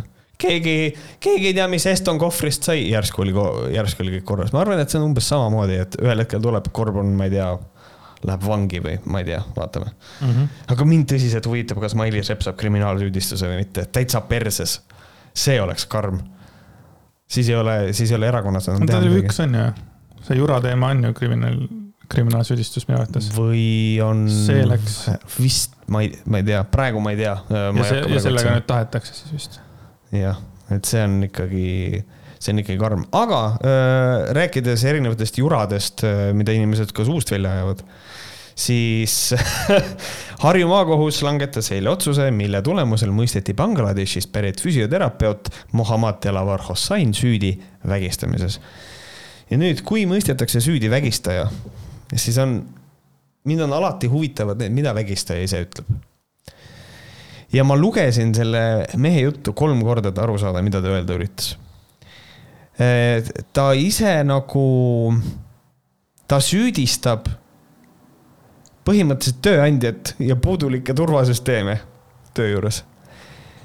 ja seda, et tema oma tööandjalt nõudis seda, et tema on mees, et tema juures peaksid käima mehed, et seal, kust tema pärit on, et seal on äh, naised, naised, mehed, mehed, et, et ei ole nagu, et, et mees on arst ja naine on patsient ja siis ta heitis nagu ette tööandjale seda, et juhtkond on halb ja puudusid turvasüsteemid ja kaamerad ja kogu selle jutu, ta nagu räägib ainult sellest, et äh, küll, et patsiendid ei pruugi aru saada, kuidas füsioteraapia seanssidel käituda.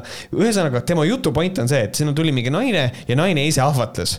ja kuna ta on ikkagi prof-, professionaalne füsioterapeut, siis ta otsustas selle naisega astuda suguühtesse äh, ja siis naine väidab, et ta vägistab, sest tegelikult ta vägistas selle naise ära ja nüüd ta süüdistab seda, et ei ole turvasüsteeme ja kaameraid.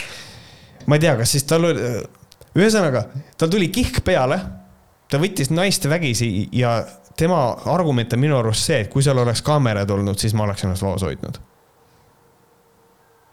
kas sina said sellest samamoodi aru või olen, või ma näen asju, mis, mida ei ole olemas? ma tahaks korra nüüd selle ühe sammu tagasi, et aga mis siis juhtus? Täpselt no.. oma tööülesandeid täites astus ta tänavu märtsis sugulisse vahekorda oma kliendiga, kelle aluspesult leiti hiljem ka meesspermat. naine süüdistas füsioterapeuti vägistamises ning prokurör lisas istungil, et Hossain kasutas ära naise seisundit, sest kannatanul ei olnud võimalik mehele vastu astuda. Hossain ise sõnas kohtus, et ta küll kahetseb kuritegu, kuid ise ta oma tegu kuriteoks ei pea äh, mis mulle eriti meeldis, et ta kahetseb kuritegu, kuid ta ei pea seda oma tegu kuriteoks mis kuritegu ta siis kahetseb? ja, et ongi. sest see, see. ma loodan, et see on tsitaat või kuidagi nagu õige parafraseering. ta küll kahetseb kuritegu, et ma tahaks teada, millega, mis Ossain tegelikult tegi siis veel.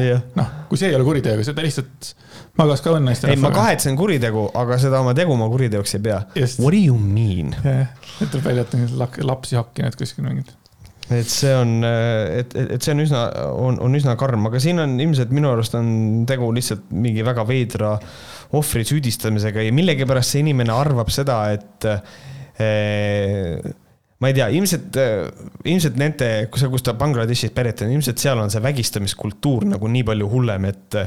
et jah, tõsi, tõsi ja ma võtsin teda vägisi, aga samas kaameraid ei olnud ja kõik, et võib-olla ma oleks suutnud ennast tagasi hoida, kui neid ei oleks olnud. ja kui ta ei oleks mulle naist ette söötnud, sest tavaliselt ikka mehed teevad mehi. ja, siin... ja sest, et ta palus, et talle ei saadetaks naispatsiente ja. ja siis mul oli see ka, et lisaks põhjendas ta oma kuritegu sellega see on jälle, et põhjendas oma kuritegu sellega. jah huvitav, mis, okei okay,, äge selleks. et eestlannast klient ei pruukinud temast aru saada, kuna suhtlusteraapias käis inglise keeles ja Hossein oskab ainult bengali ja inglise keelt. vaata, saad aru, ma oleks suutnud seda, noh, lauset kuidagi mõista, kui ta oleks öelnud, et et klient ei pruugi minust aru saada, kuna ma räägin ainult mungabe mungabe keelt, vaata yeah.. no et siis ta noh, äkki, aga ta ütles seda, noh, kuna suhtlusteraapias käis inglise keeles. jah okei okay,, see ei ole nagu kõige parem nagu vabandus. jah, just. või on nagu see, et lihtsalt ta üritas äh, selgeks teha, et ei, naine ei osanud inglise keelt ja ma küsisin you want fuck ja ta ütles siis, et what, what, what ja siis noh, ta ei öelnud ei või. see on täiesti ajuvaba. on the table kuradi, ma ei, ma ei saa aru, kuidas on võimalik, et, et meil on lihtsalt konkreetselt, et vägistajad on ka nii lollid inimesed, see on lihtsalt oota, täiesti perses. see läheb veel paremaks, tähendab paremaks, aga veel halvemaks kohtunik küsis Hossainilt, kas ta on tänaseks aru saanud, millistel tingimustel võib vahekorda astuda. selle peale kostis kaebealune, et on reeglid selgeks saanud, sest on vanglas endale selgeks teinud Eesti seadused ja reeglid saad aru või? ta, ta pidi vangi minema, et aru saada, mis asi on üldsegi nagu. oh my god. noh, What do you mean I can't just fuck a woman? What? lihtsalt täiesti uskumatu, et nagu selles mõttes, palun vabandust, kui me naerame selle peale, aga see on lihtsalt selle inimese vabandused on nii fucking absurdsed, et ma lihtsalt teistmoodi. ja siis on veel see ka, et küsiti, et no, et aga Hossein, mis sa teed, kui sa nüüd oled äh, saad kunagi vanglast vabaks, siis ta ütleb, noh, ma kavatsen ikka füsioterapeudina jätkata, aga kohas, kus on kaamera ning vastutustundlik juhtkond. kohas, kus on vastutustundlik juhtkond sa ei tööta enam füsioterapeudina. jah. nagu, või siis on see, et okei okay,, ta, talle, ta saadetakse minema Eestist, nagu ma aru saan. jah, deporteeritakse ta arvatavasti oma kodumaale. kas seal jäävad tal mingisugused märgid maha või? ma ei usu. et ma see, et ta siin ära on, istub, see on ta istub siin ära jah, ma arvan, et kuskil registris on, aga ma arvan, et seal on kultuur natukene teistsugune. ja noh, taaskord, et Hossainile määrati vanglakaristuseks üks aasta ja kuus kuud, millest ta kohe selle ärakandmisele kulub eh, neli kuud. saad aru või? et see on jälle see vana hea, et eh, mis on õigus ja mis on õiglus, on ju. et eh, aasta ja üks kuu siis saab selle eest, et ta vägistas naisterahva. noh, et, et kui tulla nüüd tagasi nagu tõsise teema peale, üks aasta ja üks kuu vägistamise eest. noh. jah, siin on, et. kümme korda liiga vähe või? Mida keegi äh, õiglasena näeb, et, äh, et jah, see on üsna sihuke, ma ei oska ka öelda. võiks võib-olla tiba pikem olla see asi, aga, aga, aga samas ta deporteeritakse, võib-olla see on karistus, aga samas võib-olla see on tema jaoks just vabanemine. tunna, ei tea, keeruline, keeruline. kole äh, lugu igatahes, kokkuvõttes. jah, tüüp on jobu, aga see lugu on kole nii, äh, võtame siis meie teise kirja, mille saatis meile äh, väga huvitava, äh, väga huvitava nimega inimene, tema nimi on Helen ja siis on selle järgi kohe süda. ma ei oska seda hääldada, Helen Hart, ühesõnaga Helen kirjutas meile sellise kirja. tere, Võhkarid, olen teid kuulanud ku,, olen teid kuulates täheldanud ebakorrektset keelekasutust, mis riivab kõrva, kuid ma olen isegi rääkides äh, valesti teinud enne, kui sest teada sain. varem ignoreerisin seda viga taskuhäälingut kuulates, kuid taaskord seda kuuldes mõtlesin, et miks mitte teie ja teie kuulajate silmaringi avardada. on ju ka, on ju ka teised kuulajad eh, teile nii-öelda keelenõu andnud. tegu on siis sõna tänu kasutamisega lauses. tihti kuulen teid ütlemas näiteks tänu autoõnnetusele, aga kuna tegu on situatsiooniga, mis toob endaga kaasa negatiivse mõju, on korrektne öelda autoõnnetuse tõttu. kui tegu on positiivse teguriga, siis me kasutame sõna tänu, näiteks tänu tema tähelepanekule ja nii edasi. lisaks võib äh, välja tuua veel ühe populaarse, kuid lihtsa vea, mida paljud, kaasa arvatud mina ise, valesti kipuvad ütlema. kui jutt on kahest inimesest, ütleme näiteks nad aitavad aitasid, me aitasime teineteist. kui inimesi on rohkem kui kaks, on korrektne öelda, et nad aitasid, me aitasime üksteist. jõudes selleni, miks otsustasin hoopis meili kirjutada, oli see, et tahtsin ka teie käest teada, kuidas te suhtute sellesse, kui keegi teie keelekasutust parandab. just pidades silmas neid parandusi, mis tulevad sellest, mis tulenevad sellest, kuidas on eesti keeles korrektne rääkida ja kuidas mitte. isiklikult ei pea ma, ei pane ma seda pahaks, sest minu meelest on huvitav teada eh, saada, kuidas on siis reeglite järgi õige rääkida kuuldes kedagi teist samu vigu tegemas, tekib kohe soov ka neile oma uuest teadmisest rääkida kuid mõni inimene saab kohe nii pahaseks või jätavad või võtavad seda kui solvangut. ei tee seda ju selleks, et kellegi kallal nokkida, vaid et jagada põnevat teadmist, pluss eh, selle abil kinnistan ka enda kõne ja kirjakeele Eh, kirjakeelde neid reegleid. väga meeldib teie taskuhääling, ilmselt sellepärast, et enamustel seisukohtadel olen ma teiega nõus. Õnneks leidub ka erimeelsusi, kuid harva.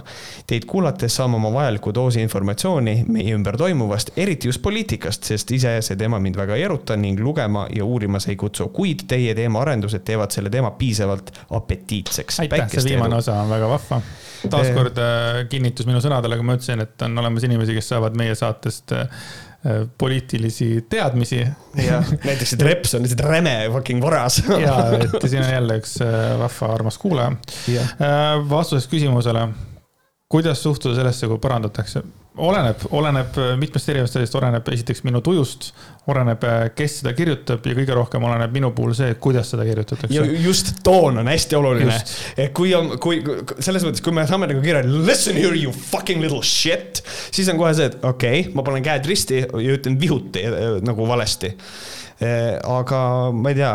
sellises toonis nagu Helena on kirjutanud, on see väga vahva ja see on tore teada, ma loodan, et mulle mm -hmm. muidugi jäävad ka need kõik äh, tähtsad äh, mõtted nagu meelde, enamasti need kipuvad nagu mööda slaidima mm -hmm. mingi aja jooksul. jah, ma, ma isegi konsulteerisin oma abikaasaga selle teema, kui ma seda kirja lugesin kodus ja, ja tegelikult äh, minu abikaasa, kes on eesti keele õpetaja, ütles, et, et jah, tegelikult korrektne on öelda, et kui on positiivne, siis on tänu ja siis tõttu siis, kui on negatiivne.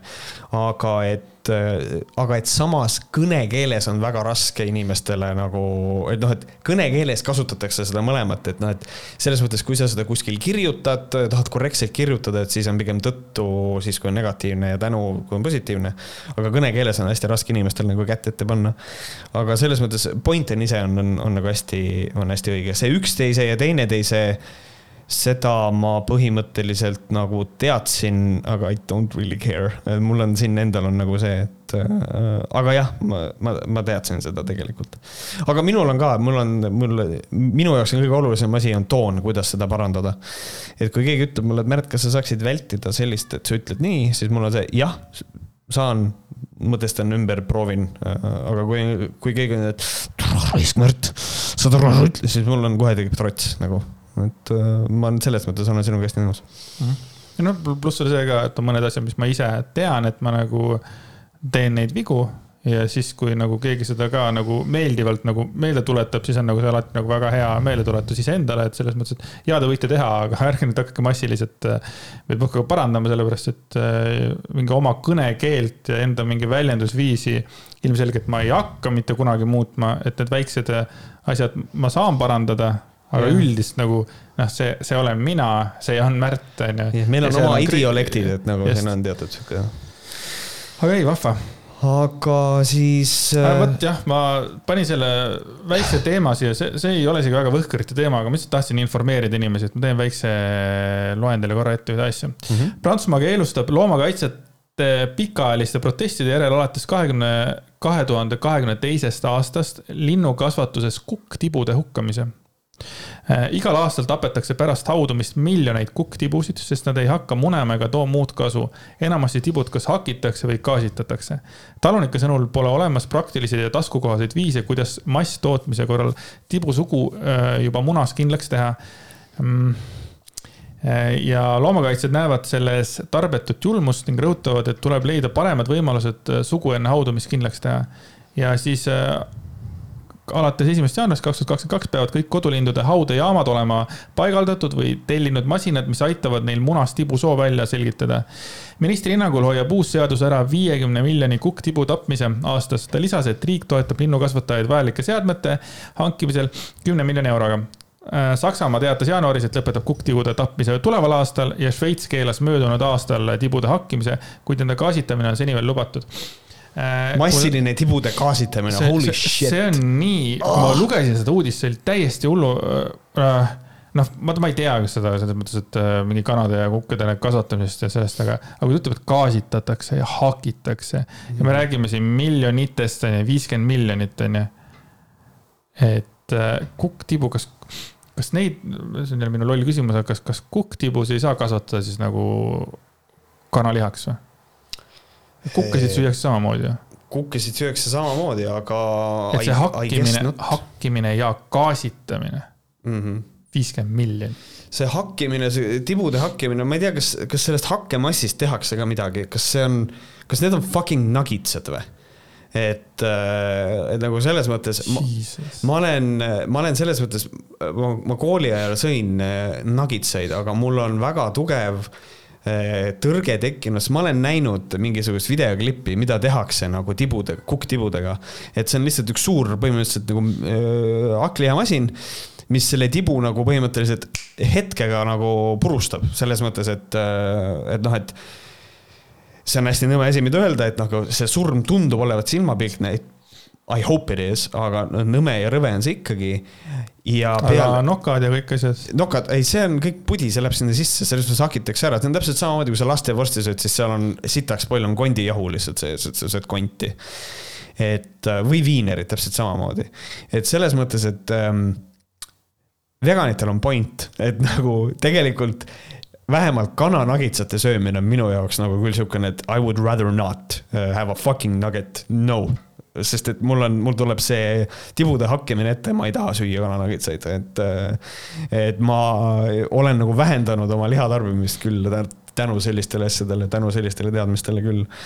noh, muidugi on tore, et siin ikkagi riigid teevad, on ju, selle jaoks midagi, aga, aga see, et nagu eelnevalt kõik aastad on miljoneid kukktibusid ära gaasitatud ja hakitud, siis mm -hmm. mul ei ole nüüd kergem magada jah, just ja, ja tegelikult siin ongi, räägiks, äh, minu tädi ütles seda, et mingid, äh, et puurikanade, miks puurikanasid äh, tahetakse keelustada või midagi.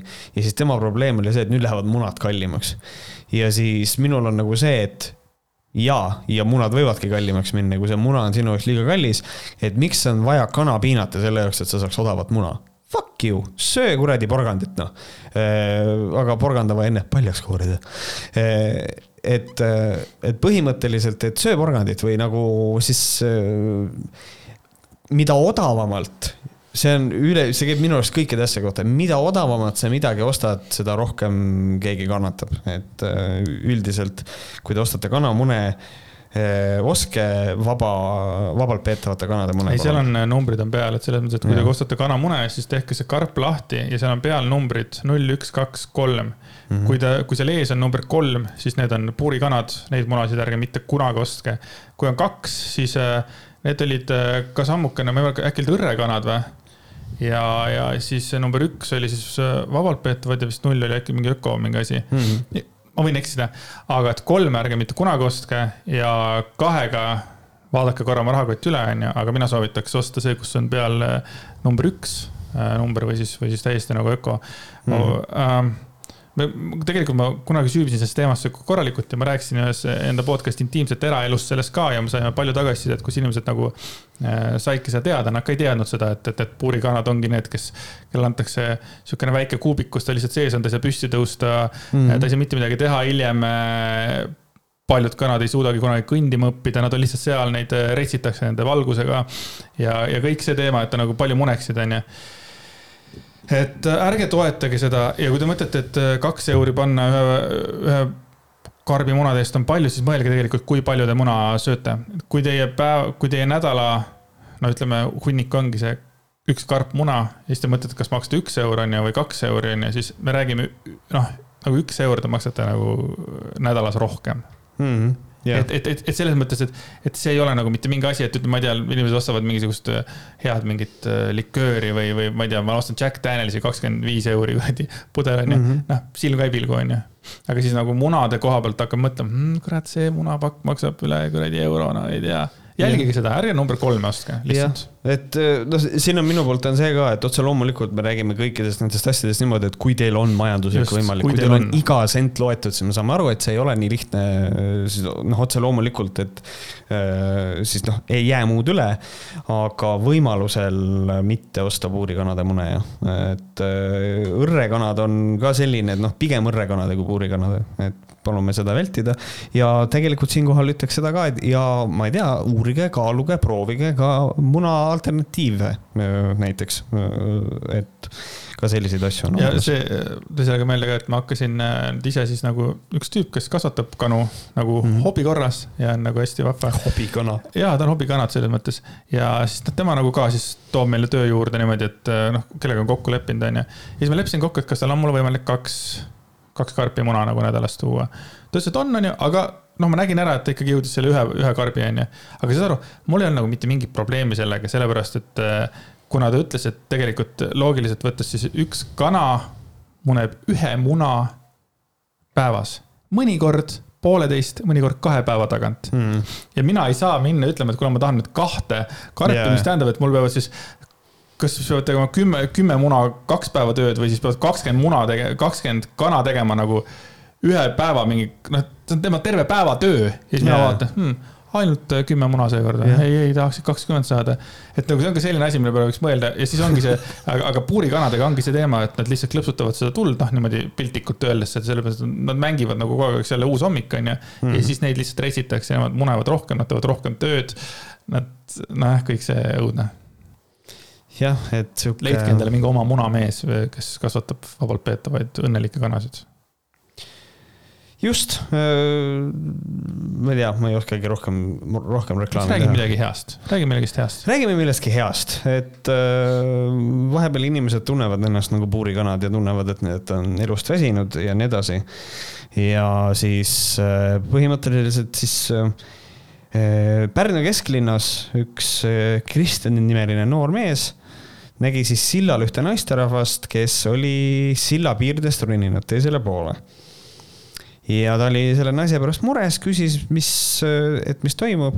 ja naine ütles siis, et tal on elus keeruline periood ja ta ei kavatse sealt silla pealt ära tulla.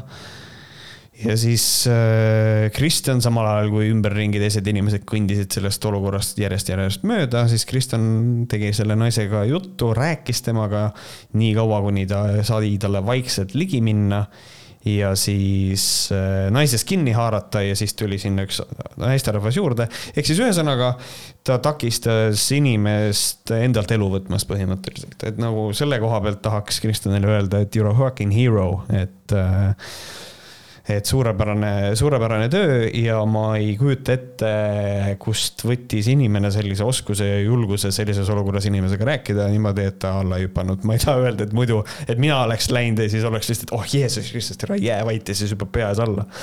Äh, vaid et, et selle olukorraga sai nagu väga ilusasti ja väga hästi hakkama ja ma arvan, et lõppkokkuvõttes ka see naisterahvas on tänulik talle ja ei, kindlasti Kristjan on ära teeninud Võhkarite tänu või selles mõttes nagu äramainimise selles mõttes, et see on ikka, see on ikka äge asi. mul tuli kohe meelde sihuke film nagu Yes Man. Jim Carrey, kus ta seal nagu läks kitarriga, vaata üks vend oli seal üleval kuskil maja, ma ei tea, mitmenda korrusel ja ma hüppan alla, jump ja siis ta läks sinna, läks kitarriga laulma ja siis laulsid seal koos lõpuks, siis ta tõmbas selle tüübi sealt mm -hmm. väljast nagu sisse et Lihtsalt. Äh, ja, ja kusjuures ja teine asi on see, et, et selles mõttes tuleb ka Kristjanist aru saada see, et see on ka suur julgustükk, et noh, et nagu see äh, piirkonna politseinik tänas ka teda, et äh, äh, tänas seda julguse eest hoolida. aga selles mõttes see on ka Kristjanile endale risk, sellepärast et panna ennast sellisesse olukorda, et sa aitad seda inimest ja ta ikkagi hüppab alla, siis see jääb sulle elu lõpuni meelde ja see on trauma elu lõpuni sa mõtled seda, et kui ta ei oleks, ei oleks jäänud õnnestunud. kuulama või mida iganes, jah? et, äh, et hakkab rääkima ja siis naine lihtsalt. ma arvan, et see oli totally worth it selles mõttes ikkagi, et kui ta on, noh, ta on nagu minemas, siis sul ongi võimalus, et on kaks võimalust, et kas ma nagu noh, suudan ta ümber veenda või siis ta mm -hmm. hüppab, et noh ma arvan, et see on jah. ei noh, risk on võetud ja, ja. ei no see ei ole ju risk tegelikult, see on null, null protsenti võimalik kaotada, kui ta nagunii on valmis hüppama ei, ei noh, ma mõtlen seda, et äh, ma. et, et kui ta oleks ikkagi hüpanud ka selle jutu peale, selles mõttes, jah. just, et nagu selles mõttes risk, aga ei äh,. paneb kohe mõtlema, et mis, mida ise oleks teinud selles situatsioonis, on ju no ma arvan, et mina julge inimesena võib-olla oleks sinna ligi, ligi läinud, kuidas ma seda asja oleks nagu täpselt nagu noh, ohjanud, seda ma ei tea muidugi sel mm -hmm. hetkel, et, et ma võin ju teada, mida teha näiteks, on ju. Aga siis on mingisugune selline raske olukord ja siis nagu pea on tühi ja ära hüppa noh. jah, mingisugused ütled midagi hästi, kuule, aga ära hüppa kuule, aga ei ole vaja ju. ei ole hullu tegelikult, mis sul ikka. ja siis pärast tuleb välja, et pärast tuleb välja, et Kristjan ainult seda ütleski, kuule ära hüppa, tõmba normiks raisk. ja siis, et toimis, aga kui toimis, siis äh, väga hästi, et selles mõttes siiski. Äh, ma arvan, et äh, Kristjan on äge, äge mees, et suur-suur tänu sulle ikkagi elu päästja. ägedatest meestest rääkides, siis siin on küsimärk, et kas ka Dmitri on äge mees Dmitri on siis see, kes äh, ja, tööle püssi kaasa võttis. just, järgmine teema siis on sellisest tüübist, kelle nimi on äh, Dmitri Toroškevitš, kes tulitses, tulistas enesekaitseks teda töö ajal rünnanud alkoholijoobes meest mm noh, laias laastus on nagu kõik juba kokku võetud. see kõlab hästi ameerikalikult selles mõttes juba. see on täiega Ameerika. Ameerika. aga mis selles täpselt juhtus, oli see, et mm, Dmitri äh, siis äh, kaks tuhat kaheksateist aasta esimesel augustil tegi Tallinnas Mustakivi sillal teetöid, kui tema juurde tuli hilisem kannatanu, lähedal asuvas majas elav alkoholijoobes mees, keda häiris teetööde mure, müra. ta lõi Toroškevitšit ootamatult rusikaga pähe, mistõttu purunesid viimased kõrvaklapid. see on väga oluline lause muidugi mm, -hmm. see lõpp kõrvaklapid. no löök oli väga tugev järelikult ikkagi. selles oli point mm. -hmm. Fucking snap in half. löögi mõjul Doroškevitš taganes, kuid kannatanu hakkas uuesti tema poole liikuma. süüdistatav võttis siis välja oma püstoli, millele tal oli kehtiv relvaluba ja tegi hoiatuslasu õhku. seejärel kannatanu taandus ja läks pisut eemale, kuid jätkas süüdistavas, süüdistatava sõimamist ja tema peale karjumist ning provotseeris teda ennast tulistama. nagu, mis on ka nagu, vau wow aga samas noh, täis peaga ongi, selles mõttes, et ikkagi kujutad ette, et sa oled surematu, sa oled nagu surematu Ricochet, sa oled, sa oled The Rock on ju. mis sa veitsid oma elu, ei no kui sa nii kõva oled, lase maha. It doesn't matter that you have a gun küll jah, ja siis ähm, ning provotseeris teda ennast tulistama. vahepeal nägi süüdistatav mööduvat kiirabiautot ja hüüdis selle juhile, et ta kutsuks politsei. pärast seda läks Doroškevitš teise teetöölise juurde ja palus temalgi politseisse helistada ning üritas seejärel tööd jätkata. hetk mm -hmm. hiljem märkas aga süüdistatav, kuidas kannatanu hakkas mööda sõitnud bussi tagant kokku surutud rusikatega kiiresti tema poole jooksma. Dmitri taganes mõne sammu, haaras uuesti relva ning tulistas temast umbes viie meetri kaugusele jõudnud kannatanut, tabades teda viiel korral näkku või kehasse ja siis see on, see on täiesti Ameerika, ma ütlen uuesti. täiesti Ameerika, see tõesti, et ta tulistas viiel korral Viis näkku no ja, ja, ja kehasse. Center Massi lihtsalt lasi jah, selles mõttes. enne kui edasi läheme, siis on kogu, kogu seda teemat võtta, et, et noh, kõigepealt mõtleme selle peale, et äh, üks teetööline teeb tööd ja tal on relv kaasas mingil põhjusel see on, see on kogu selle asja juures minu jaoks kõige kummalisem asi, aga nagu ma aru saan, siis kõik on juriidiliselt korrektne, tal oli relvaluba et ma saan aru, et selle relva kaasas kandmine oli siis ka lubatud, et nagu. ei, ei kõik on nagu õige. kõik on aga, aga juriidiliselt on kõik okei okay.. kui sa nagu mõtled lihtsalt selle peale, et, et sa oled teetöö, noh, teetööline, väga tänuväärne töö, aga sa, sul on nagu relv on kogu aeg kaasas. see on veider see on veider. tekib ei... küsimus, et miks see relv kogu aeg äh, kaasas on, ma tahaks nagu, ma tahaks nagu sügavale minna, et kas seal on nagu mingi eelnevalt olnud mingisuguseid nagu probleeme, et tal on nagu teadlikult, tal on hirm millegipärast, et tal on relv kogu aeg kaasas või see on siis relvaomaniku nagu, et praegu relvaomanikud mõtlevad, mis asja, mis mõttes, mul on ka relv kogu aeg kaasas, mul ongi relv kaasas, see ongi minu noh. no enesekaitse nagu, jah, ta on nagu kell, ta mul kogu aeg on vöö peal, eks ole, või keel, vaata, vaata, mis kell on, it's killing time et noh, et siukene.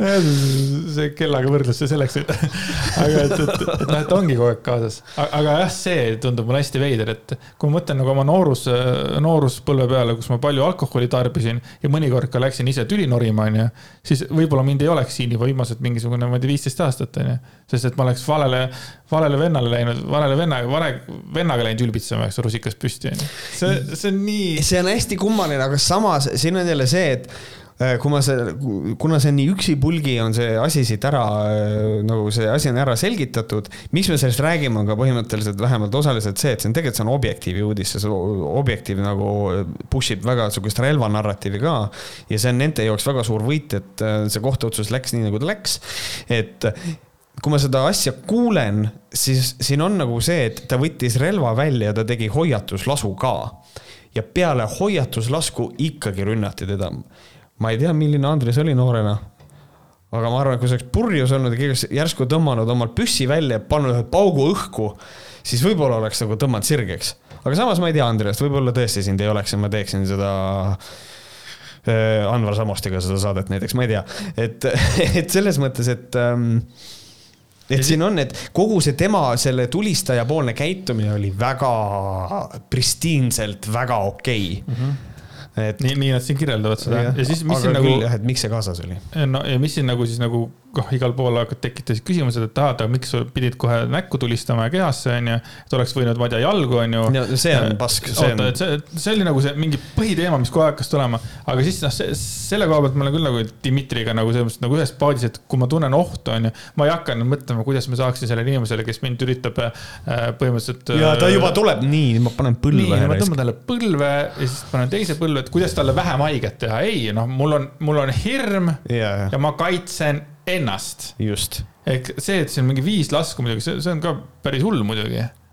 no Aga... siin on nagu iseenesest mina mõtlen seda, et jah, viis lasku on, on, on see, tähendab, ühesõnaga hakkame sellest pihta. täpselt sama probleem oli siis, kui meil oli Vabadus, Vabadusplatsil oli noaga mees. võib-olla sa mäletad seda lugu, noaga mees oli Vabadusplatsil ja, ja ründas politseinikku ja politseinik lasi selle mehe maha ja siis hakkas tulema täpselt sama jutt, see tuli ka minu kommuunist, osad ütlesid, et oleks võinud jalgadesse tulistada.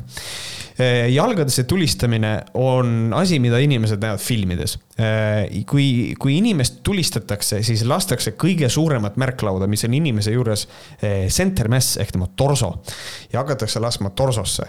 see, et kaks lasku läksid pähe, ma kujutan ette, see nägi välja niimoodi, et Dmitri tõmbas relva välja Äh, avas tule ja ta lasi viis lasku paari esimese lasu peale, mis läksid torsosse, ilmselt mees kukkus ja kaks järjest lasku ta sai langemise pealt pähe, ma arvan. ma ei tea seda asja, aga see tundub mulle väga tõenäoline. tundub, jah. et äh, aga, et äh, iseenesest ma ei tea, kuidas ka relva, kuna tal on relvaluba, siis ta on, ta on läbinud ka ilmselt ju kursused ja asjad, et kas õpetatakse laskma, mitu korda õpetatakse laskma. kas ei õpetata tegema double tap'i, et nagu äh, kaks lasku lasta äkki äh, võib-olla on see, et lased nii palju, kui vaja on, et kui ma juba lasen, siis ma juba lasen või noh, ma ei tea, kuidas see asi käib. viis lasku tundub palju, aga ma olen võhik, ma olen täielik võhkar, ma ei tea seda asja. et kui keegi on relvaluba teinud või kes on meil eh,, ma ei tea, politseinik, meie kuulaja, siis äkki ta saab sellest relva väljaõppe osas natukene rääkida, et kas sellises olukorras viie lasuga inimest lasta, kas kõik on korrektne või mitte ja mis on kogu selle asja nagu psühholoogia selle asja taga. et see on mind väga huvitab, jumala eest kirjutage palun, et et, äh, et üldiselt, äh, aga mis on kindel, on igasugust kätest, oleks võinud no,, kusjuures minu arust see noaga mehe puhul oligi nagu see jutt ka, et oleks võinud noa käest ära lasta, mis on lihtsalt nagu see, et kuule, mängi vähem Fortnite'i nagu selles mõttes see ei ole reaalne. et me laseme inimest, äh, et inimest kahjutuks teha, mitte nagu see, et kuule, Andres, ma panen ühe põlve, sa pane teise püssiga kukkumise peal, lased tal, ma ei tea, nuga käest ära, et see on niisugune fantaasia. Sin City's oli selline koht, et äh et ta siis lasi seda, vot see, kes oli, see vägistaja tüüp oli, see, kes mm, -hmm. no Seeder. et yeah., et uh, I took uh,. I took away his guns, both of them. jah, both of them. kõigepealt, kõige, kõigepealt siis äh, lasi relva käest ära ja siis lasi kottidesse. jah, just. et, äh, et selles mõttes, et kogu see jutt, et jalgadesse lasta, see on absoluutne häma jah, et mm -hmm. niimoodi sinna ei lasta, mitte keegi ei lase. ja rääkides sellest, kui sa kõige väga suur õnnetus on relvaga lastest mööda laskmine, sest et sa ei tea, kuhu kuul läheb, keegi võib sellega pihta saada, sellepärast lasedki torsosse, see on kõige suurem märklaud, kõige väiksem tõenäosus, et sa lased mööda ja kuul reeglina jääb inimese sisse. ei muidugi, selles mõttes, et no ongi, siin ongi hästi hea nagu tagantjärgi arutada. taaskord, ma mõistan väga hästi, kui ma oleks sellises situatsioonis, samamoodi võib-olla hirmuga laseks tõesti nii palju, kui sul tuleb, vaata ja. selles mõttes, et, et peaasi, et ta nagu veel lähemale ei tule, et ma kardan oma elu pärast. ja, et tal täisautomaatne klokk ei olnud, muidu oleks meeldinud sõelapõhi olnud äkki. lihtsalt. just, aga mis edasi sai, oli see, et äh, talle esitati siis äh, süüdistus tapmiskatses, äh, tapmiskatses. tüüpi ellu või? Äh, ei, ta minu arust ta suri ära okay.. aga et. Äh, okei okay,, ma praegu no,. selles okay. mõttes, aga et, aga vaata, kui sa inimese ära tapad, see on ikkagi katse tappa ka. True, true on küll jah. ja siis Harju maakohus äh, tunnistas ta ka süüdi selles ja karistas teda kuueaastase vangistusega mm. -hmm. Tallinna ringkonnakohus aga otsustas, et tegu on, oli provotseeritud tapmise katsega ja mõistis pooleteistaastase tingimuse vangistuse, et ta läks väiksemaks mm. -hmm. Aga mis siis lõpuks sai, oli see, et äh, vaata. Läks asi Riigikohtusse. just. ja Riigikohus leidis, et hädakaitse piire ei ületatud mm. -hmm, et äh, siis põhimõtteliselt äh, et noh, et äh, lihtsalt ühel hetkel ootamatult hakati jooksma noh, ja siis oligi, et reageerimisaeg oli nii väike äh, ja siis tõmba-, Dmitri tõmbas relva ja, ja lasi ja siis mainitaksegi nagu seda, et tal ei olnud aega ega võimalust läbi mõelda, kuidas ennast täpselt relvaga kaitsta, seega ta tõmbas relva ja lihtsalt lasi. ja kuna ta oli enne teinud hoiatuslasud ja kõik asjad, et siis see asi on väga nagu puhas et äh, pluss siis veel see, et noh, et peale igat lasku ei olnud võimalik antud hetkel hinnata, et kas nüüd on asi ohutu ja kas rünnak on lõppenud. et ühesõnaga sihukene asi ja, aga mis ma tahan lõpuks öelda, seda on, et põhjus, miks Objektiiv selliseid asju kirjutab, on see, et Objektiivis me oleme sellest ka enne rääkinud, et Varro väga tugevalt kutsub üles, et tehke endale relvaluba ja saate pere kaitsta ja siis see on nende jaoks väga hea see on nende jaoks sitaks hea see äh, reklaam nagu sellisele relvaasjale, et näete, et te saate relva kaitsta. see mingi nagu kõmmari tapmine, see oli olevat olnud umbes sarnane, ma ei ole sellega väga sügavalt olnud seotud. väidetavalt jah. aga et umbes point oli sinnakanti olnud. aga igatahes Dmitri on nüüd äh, vaba mees. Äh, mind huvitaks see, kas ta ka mingisugust kahjutasu sai. kui porgand soovitab inimestele, tööandjale kirjutada neid miljoneid, mida nad soovivad selle vaktsiinisüsti eest mm.. siis huvitav, mitu miljonit siis Dmitri sai. ja muidugi noh, Eestis arvatavasti süsteem oh,, süsteem, süsteem ei ole nagunii miljonite peal väljas, et arvatavasti ta miljoneid ei saanud arvatavasti. kaks sotti võib-olla, kaks sotti. kaks sotti või? või on nagu see, et kuule, ole hea, ära edaspidi lase töö juures kedagi maha see paneb töö pausile, et, et selles mõttes, et äh, väga raske on, ma ei ole nagu suur, noh min,, minul on see probleem, et nagu selles mõttes, kui relvaga tööl kaasas kandmine, see minu jaoks kõige suurem küsimus on see, et mis elu on Dmitril, et tal peab töö juures relv kaasas olema. et, äh, et see mind huvitab, aga kohus on otsuse teinud, et ei ole siin midagi väga tugevat enam ilkuda. no siis ärme ilu ärme siis ilgu. võtame siis veel selle faktikontrolli teema, mis oli ka päris naljakas. aa, see on see, jaa, see on Henn Põlluaas. Oh,, ütles Enn Põlluaas, ma ütlesin Heidi Raudsepp, põhimõtteliselt nad on ühendatud, sest et üks tegi faktikontrolli ja teine oli see, kellele kontrolli tehti. just, ühesõnaga, ma ütlen seda, Enn Põlluaas ütles esimesel juulil TV3 uudistele eh,, tsitaat on järgnev kui ka välisüliõpilased otsustavad Eestisse jääda, siis ei leia nad oma erialale vastavalt tööd. keeleoskamatuse pärast teevadki nad just selliseid Bolti ja Woldi ja muid töid. ja Eesti ühiskond, kes on neid harinud ja kasvatanud ja kulutanud oma ressurssi, tegelikult midagi vastu ei, ei saa ei, see on lihtsalt nii hea, ta lihtsalt nagu, ta lihtsalt tulistab nagu iga, ilma Just. igasuguse nagu yeah. kontrollita või nagu mille, noh, jah Henn Põlluaas, meie tulevane president siis. võib-olla. Jesus ei, fucking no, Christ. kindlasti ikka no,. ta on praegu ainukene kandidaat. keegi yeah., kellegi teise poolt ei ole valida, no tuleb ära valida. just, et siin, et, et noh, et esiteks keegi midagi vastu ei saa, kuigi ta unustab ära, et kui nad töötavad Bolti ja Bolti, siis inimesed saavad toitu, viib koju, aga olgu, see ei loe järelikult. ja siis tehti sellele väitele faktikontroll ja faktikontroll. võtame ükshaaval kõik need äh, läbi, onju. võtame ükshaaval No, läbi. esimene asi siis, keskmiselt kulutab välistudeng Eestis õppides eluasemele kakssada viiskümmend eurot kuus. kogu õppeaasta jooksul on välistudengite kulutused eluasemetele enam kui viisteist miljonit eurot Vau, pluss sellele lisandub toit, sellele lisandub siseturism, igasugune meelelahutus, mis on siis veel kolmsada eurot kuus, ehk siis sealt tuleb põhimõtteliselt veel kuradi viisteist milli otsa. okei, siis see on niimoodi, et Tartu Ülikooli kahe tuhande kahekümne esimese aasta ingliskeelsete õppekavade õppemaks jääb vahemikku kolm tuhat kaheksasada kuni kuus tuhat eurot aastas. arstiteaduse õppekava puhul aga koguni kaksteist tuhat eurot. just ja põhimõtteliselt äh, noh, eriti siis kolmandatest riikidest pärit äh, välistudengid katavad enamasti oma õppekulud vähemal, vähemalt suures osas ise. Ja see tähendab siis ligi, mis see, on kümme miljonit eurot õppemaksu aastas või?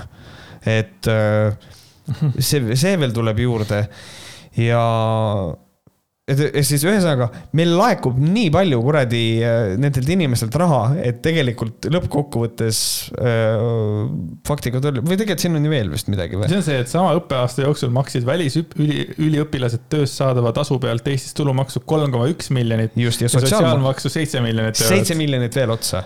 Eestis lõpetanud äh, välisüliõpilastest vilistlased maksid samal ajal tööst saadava tulu pealt üks koma kaks miljonit tulumaksu ning kaks koma neli miljonit eurot sotsiaalmaksu, need on nii suured summad, et noh, ma isegi ei hooma seda, onju.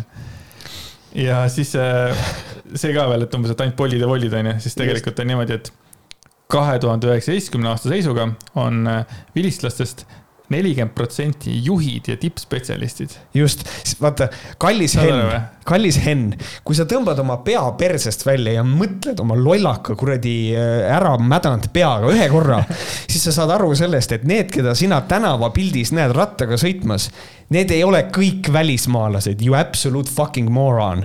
Neid inimesi on veel, et ära ole palun idioot, aitäh. just, igatahes äh, siis edasi iga viies ehk siis kakskümmend üks protsenti oli kontoritöötaja, klienditeenindaja, ülejäänud on tehnikud ja keskastme spetsialistid, teenindus- ja müügitöötajad, lihttöölised, oskus- ja käsitöölised ning operaatorid. ja mis see veel lõppu oli seda, et kahe tuhande üheksateistkümne ja kahe tuhande kahekümne aasta õppeaastal töötas viiskümmend protsenti välistudengitest juba õpingute ajal Eestis ning nad tõid Eestis töötamisega kolmteist miljonit eurot maksutulu. et see, need summad on nagu Need on Päris suured. jõhkrad, et noh, tegelikult lõ- lõppkokkuvõttes need välistudengid äh, väita, et Eesti midagi vastu ei saa, on reaalselt vale, seda leidis ka faktikontroll. ja mulle meeldis, minu üks tuttav jagas seda oma seinal ka, seda faktikontrolli, keegi kommenteeris alla. kõige debiilsem asja üldse, ei no jaa, et äh, aga summa summarumist me ju ei tea midagi, et summa summarum äh, võib, võib ju olla negatiivne. siis mul on nagu see, et ei, me räägimegi summa summarumist, kuradi loll. et nagu selles mõttes, et, et me midagi vastu ei saa, see on ikka täiesti absurdne, et äh, saame küll, maksuraha tuleb nii, et vähe ei ole. ja meie oleme kommenteerinud seda küll ja veel, aga äh, kõige olulisem kommentaar tuleb äh, kommentaariumist, kus Üll kirjutas. Neegrid õpivad tasuta erialadel ja riik maksab veel stip- stipendiume neile ja annab ühikakohad. kes veel pere siia on vedanud, need saavad peretoetus, toetusi. vaadake siis, et kui nad nii kasulikud on, kuidas riigil raha pole ja ülikoolid järjest suuremaid summasid maksumaksjatelt nuruvad. ja siinkohal, nagu ta ütleb, et tasuta erialadel riik maksab stipendiume peale, annab ühikakohad. tuletan meelde, et selles samas artiklis, mida see eh, absoluutne aju alatalitlusega inimene kommenteeris, on ära mainitud, et suuremalt osalt maksavad kolmandatest riikidest pärit inimesed ise oma õppimise siin kinni ja nad maksavad ka eluaseme eest, ehk siis see inimene ei lugenud artiklit ja lihtsalt pani suvalt, ehk siis äh, nagu ikka on Delfi faktikontrolli kombeks, inimesed vaatavad pealkirja, vaatavad otsust ja siis kukuvad rändima nagu väikesed lapsed, sellepärast et neil ei olnud õigus äh,. siin koha pealt hull äh,, palun äh, joo bensiini ja röhitse küünlasse äh,. Aga kõikidele teistele soovin ma head ja selles mõttes Telegrami podcast ka Kalle Grünthal äh, ütles, et see faktikontroll ei ole nagu õige ja siis üritas kõike ümber rääkida, aga tal ei tulnud see välja. mm. -hmm. aga kui sa juba kuulad Telegrami nagu mina, siis äh, võib-olla isegi usud seda juttu. jah, kurat, aga kui Kalle ütleb, siis äkki on. jah, võib-olla niisugune suhtumine on jah vot, aga selline sai meie kolmekümnes saade, aitäh, et te olete vastu pidanud meiega tervelt kolmkümmend saadet ja kõik need, kes te meid enam ei kuula, siis te ei kuula meid enam, te ei kuula seda sõnumit. aga meil on väga kahju ja kõikidele uutele kuulajatele, tšau, mina olen Märt, see on Andreas.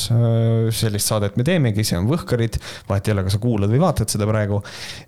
kui sa tunned, et see on ülihea sisu ja sa tahaks seda veel kuulata, oled kõik ära kuulanud, meil on Patreon ka, et patreon.com kaldkriips Vohkarid ja sealt on võimalus endale väikese raha eest saada lisasaateid, mida antud hetkel on üheksa. varsti teeme kümnenda ka. et öö, ole meie Patreon, kui sa, kui see on sul finantsiliselt võimalik ja sa tunned, et sul on võhkereid vähe oma elus. ja saate alati meile saata email'e võhkarid.gmail.com. Õ on siis nagu kuus, kuus karid. Mm, võite meid kritiseerida ja muidugi kirjutada, kui head me oleme. ja, sest et mul, mulle väga meeldib. sest see on kõige olulisem. kiituse kirjad on fat material hästi palju, me saame, me saame sellest väga palju võimalust areneda ja paremaks saada, kui te lihtsalt kiidate meid. just, aga suur aitäh kuulamast, suur aitäh ka meie vaatajatele, kes meid vaatavad Youtube'is. siis te teate, et ühel on juuksed, teisel ja. on habe ühel on juuksed, teisel on habe. Polar opposites aga eh, suur tänu kõigile kuulamast. Eh, suur tänu, et te olete olnud siiamaani meiega ja paneme sama tugevalt edasi ja aitäh teile ja tšau. tšau